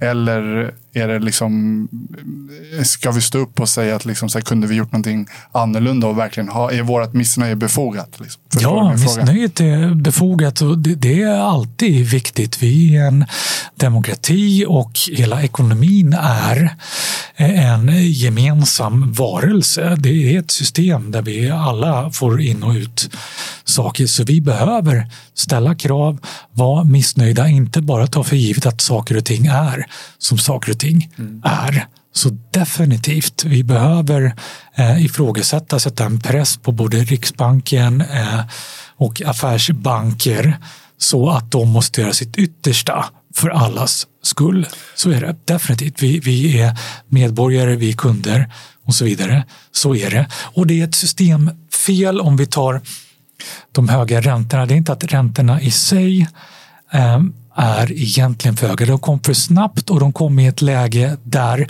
systemet uppmuntrat till att ta lån som är svåra att hantera på så höga räntenivåer. Medan det egentligen är tanken att en räntenivå ska kvalificera besluten så att vi inte lika snabbt och utan eftertanke och buffert tar lån. Väldigt många som idag står inför valet, ska jag ta ett lån eller inte? Fatta ett annat beslut än man gjort innan. Men när man väl har lånet då är det ju kört. Ja. Men är det här någonting som är utstuderat? För jag tänker, eller är det någonting som är okontrollerbart fast det var dåligt eh, coachat eller dåligt skött? Eh, eller är det någonting som är utstuderat? För om jag säger till dig nu mycket att så här, men du kan låna 100 eh, 000 av mig. Så eh, det är ingen ränta på det. Eh, Då kommer han ringa mig och låna tala om mig först. nej, men sen när du väl har lånat på dig pengar och då liksom, så ringer det och säger nej men nu jag måste höja räntan här så det är 10% ränta nu. Då har jag liksom redan lurat in dig i lånet. Mm. Och är det då en utstuderad teknik för att kunna tjäna mer pengar i slutändan eller är det i regelverket som har varit fel, tänker jag, alltså gentemot banker, eh, vår regering och så vidare. Det sistnämnda, det är inte nödvändigtvis utstuderat men det är obetänksamt. Det är någonting som gick för långt, som vid varje enskilt tillfälle i tiden verkade okej okay och inte alarmerande. Men för varje litet steg så byggs det på och det borde stoppas till. För en affärsbank är det logiskt ifall det är så billigt för oss att låna pengar från Riksbanken så ska vi i vår tur låna ut. Och Riksbanken gör ju det här som syfte att stimulera ekonomin, vilket var tanken. Vi ska få igång ekonomin i en bättre skjuts. Det kommer inte hålla för evigt. Men sen veta när ska man sluta, när ska man hitta en lagom transition och så som vi vet så kom en pandemi som ingen kunde förutsäga som ställde allt på ända och efter det krig, krig lågkonjunktur mm. och så vidare. Vi hade inte en tillräckligt Nej. förutseende. Okej, eh, det, alltså det här är jättestora frågor ja. och ekonomi, man kan gråta ner sig hur mycket som helst. Mm. Men jag tänkte, du ska få göra ett försök. Det är stora frågor, men du, om vi kan försöka och, och ha mm. lite kortare svar. Ja. Vi ska försöka inte ställa för mycket följdfrågor, trots att mm. vi är så jäkla nyfikna även på det här området. Jag tror att vi måste ta hit dig igen, Micke, och kanske ett program där vi bara pratar ekonomi. Men om du var finansminister, vad skulle du göra direkt? Vad är, din, vad är det första du skulle göra? det där är en utmaning. Ett kort svar på den. Men det första du skulle göra bara. Inte, jag vet Han vill inte skulle... trampa finansministern på tårna. Kom igen nu Micke. Kom igen nu Micke. Ja, men då är jag helt jäkla fräck och gör det enkelt för mig. Jag skulle etablera ett nytt välfärdsmått jämte BNP som skulle ha att göra med välmående, livskvalitet, och apropå ojämlikheter som du var inne på, eh, spridningen i livskvalitet. Det skulle jag göra för det skulle ge helt andra eh, valmöjligheter Väl, och aha. beslut när man går ner på allt från riksbank till affärsbanker till eh, lönesättning till vad det än är. Det skulle jag göra. Jag skulle börja där. Okej, okay, okej. Okay. Då kanske det var lite svar på nästa fråga också. Vad kan vi göra för att hjälpa de allra fattigaste i Sverige? Vad, eh, Ja. Mm, det första är att vi måste identifiera dem och vi måste målsätta. Mm. Att för nu är det så att det hänger samman, ojämlikheten har hängt samman med en ekonomisk tillväxt som på det totala är bra och som sen ska komma tillbaka genom transfereringar, skatter, bidrag och allt sånt där rätt. som inte har gjort ordentligt. Vi borde vara i ett läge där vi inte ska ta den omvägen utan där det är målet redan från början. Mm. Så det skulle jag göra. Tjena, han bara pratar till och med ännu snabbare nu. Kan ja, nu jäklar. Finns det människor som svälter i Sverige idag? Det här har ju debatterats en del. Det människor menar på att det finns inte och menar, vissa menar på att det finns de som har det så illa ställt idag som inte har råd att äta. Ja, det finns mat. människor som svälter. Eh, det ska inte behövas. Vi har eh, system, vi har ekonomi som ska hantera det, men vi har inte lyckats få det hela vägen så att det gör det. Vi, kan, lösa det idag. Fram, liksom. vi kan lösa det idag. Mm. Men det finns. Men skulle det, menar du då att det finns redan fast hjälpen inte når fram? Ja, eller så att den inte, ja, ja den det finns. är allt ifrån eh, liksom sociala skyddsnät till mm. bidragsmekanismer till att identifiera de här, till att nå ut till dem. Man når inte ut, de vet inte hur de ska göra och så vidare. Det är sådana grejer. Mm. Mm. Bör vi sänka eller fortsätta höja räntorna? Eller är vi på en bra nivå nu? Uh, det där har så mycket att göra med hur det går i resten av världen. Som det verkar nu så kommer inte USA höja, förhoppningsvis inte äh, centralbanken i Europa heller. Så jag skulle säga ligg kvar. Vi ska inte sänka än, men snart. Men vi ska ligga kvar. Mm, Okej. Okay. Kommer bostadsmarknaden att krascha i Sverige? Nej, det får den inte göra och det är en av anledningarna till att vi inte ska höja räntorna. Okej. Okay. Ska vi byta ut kronan mot euro? Euro? Om inte annat så ska vi tänka på att eh, gå tillbaka till fast växelkurs. Det är lite att ha kakan och Som Danmark har. äta den. Ja, Eller, ja, Precis, för då kan vi ändå göra förändringar om vi behöver, men göra den mer robust som är liksom, det är en liten light-variant. Fast växelkurs, förklara det lite hur det fungerar Det är att vi bestämmer eh, kronans värde mot till exempel euron eller dollarn mm. eller vad man då än väljer. Då följer en dens kurs. Ja. ja. Och det har Danmark gjort mot euron? Eller? Mm, Danmark har haft så. Det är en förklaring till varför deras krona var starkare och för dem mycket lägre inflation än vi gör. Mm. Okej, den sista frågan här. Om inte Jim har ja, något mer. Ja, Okej, okay, då tar jag min sista här. Då. Mm. När tror du att ekonomin vänder uppåt igen? Jättebra fråga, för när man pratar om lågkonjunktur så pratar man om att det inte är så bra som det ska, men det kan fortfarande vara att det har vänt ifrån en botten. Och den vändningen kommer vi se inom ett halvår, det är jag säker på. Därmed inte sagt att den är bra, men då har vi gått förbi botten och är på väg uppåt. Om det inte kommer en till pandemi. Och så är det ju, eller hur? Det är det som är det värsta. Också, Vad som helst kan, kan hända, verkligen hända. Ja. kan ju hända saker. Och det går liksom inte att räkna in i förväg. Nej, det är klart. Ja. klart. Okay. Jag har också en sista fråga mm. och det är nu har vi pratat massa om eh, hur tråkigt det är med en dålig ekonomi. Men det måste ju öppnas massa möjligheter också för den lilla människan där ute. Vad är dina bästa tips att så här, investeringsmöjligheter? Eller vad är det vi kan göra i de här tuffare ekonomiska tiderna? Har du några konkreta? Såklart, det varierar ju hur mycket resurser man har att jobba med. Men finns det, vilka möjligheter öppnas för den lilla människan där ute? Eller ja, men, lilla människan låter ja, men det är verkligen, men det är verkligen den vanliga människan. Verkligen alternativkostnader där. Alternativkostnaderna på saker du har velat göra men känt det kan jag inte göra nu minskar. Till exempel att plugga, att byta bana i livet. De tänker det vore kul, men, ja, men då försakar ju den här lönen och tryggheten jag har. När den försvinner visar sig gång efter annan någonting man uppskattar först långt senare, för det är jättejobbigt när det händer. Mm. Men, men år efter lågkonjunktur kan man se hur nya företag har startats, hur folk har bytt karriär, utbildat sig till andra saker som i slutändan är bättre och saker man vill göra, men som då var jobbigt och på grund av att det är jobbigt så har man inte valt att göra det mm. innan. Det kortsiktiga fallet blir lite lägre. Liksom. Ja, precis. Investeringar, samma sak. Börsen är extremt okänslig. Den går ner väldigt fort när den går illa. Sen går det upp igen. Det är för att den flyttar pengarna från vissa bolag till andra. Det är så nya industrier ofta får skjuts. Vi kan se hur det var med eh, stora eh, eh, bolagen som är stora nu. Alltifrån liksom Amazon till, ja, ni vet, Tesla och så vidare kan man se. Det var de som tog skjuts liksom i, i svansarna på lågkonjunktur. Jag tror att hela medtech, eh, healthtech och så vidare, det tror jag är någonting som vi ser får en ordentlig skjuts nu när det flyttas pengar från andra säkra investeringar dit som kommer ge en jättebra skjuts i början. Så det är ett investeringstips. Så har man möjlighet ska man satsa i lågkonjunktur kan man sammanfatta. Och satsa menar jag inte bara att man ja, trycka in pengar, ja, mm. utan liksom ta sats verkligen. Mm. Micke, eh, jag känner mig faktiskt lite lyckligare, eller ganska mycket lyckligare just nu jag efter också. att du har gästat oss, oss här i Brottarbröder Podcast. Det har varit fantastiskt roligt och lärorikt. Jag har tagit med mig väldigt många saker. Det hoppas jag och tror att våra lyssnare har gjort också. Hur känner du Jimmy? Mm. Ja, jag känner samma sak, verkligen. Det är så... Känner du lyckan i brottarbröstet? jag kommer bli ännu lyckligare när jag får brotta ner dig sen på träningen. nu drömmer han ner. Just det, drömmar var ju bra. Just det, just det. Ja, jag är bra på att ljuga. Nej, men jäkla kul att ha dig här Micke. Och som sagt, det finns ju så mycket att prata om så det kanske får bli en episod eh, två längre fram. Ja, det hoppas jag verkligen. Det här går mer smak. Tack snälla för det. Tack så mycket. Tackar.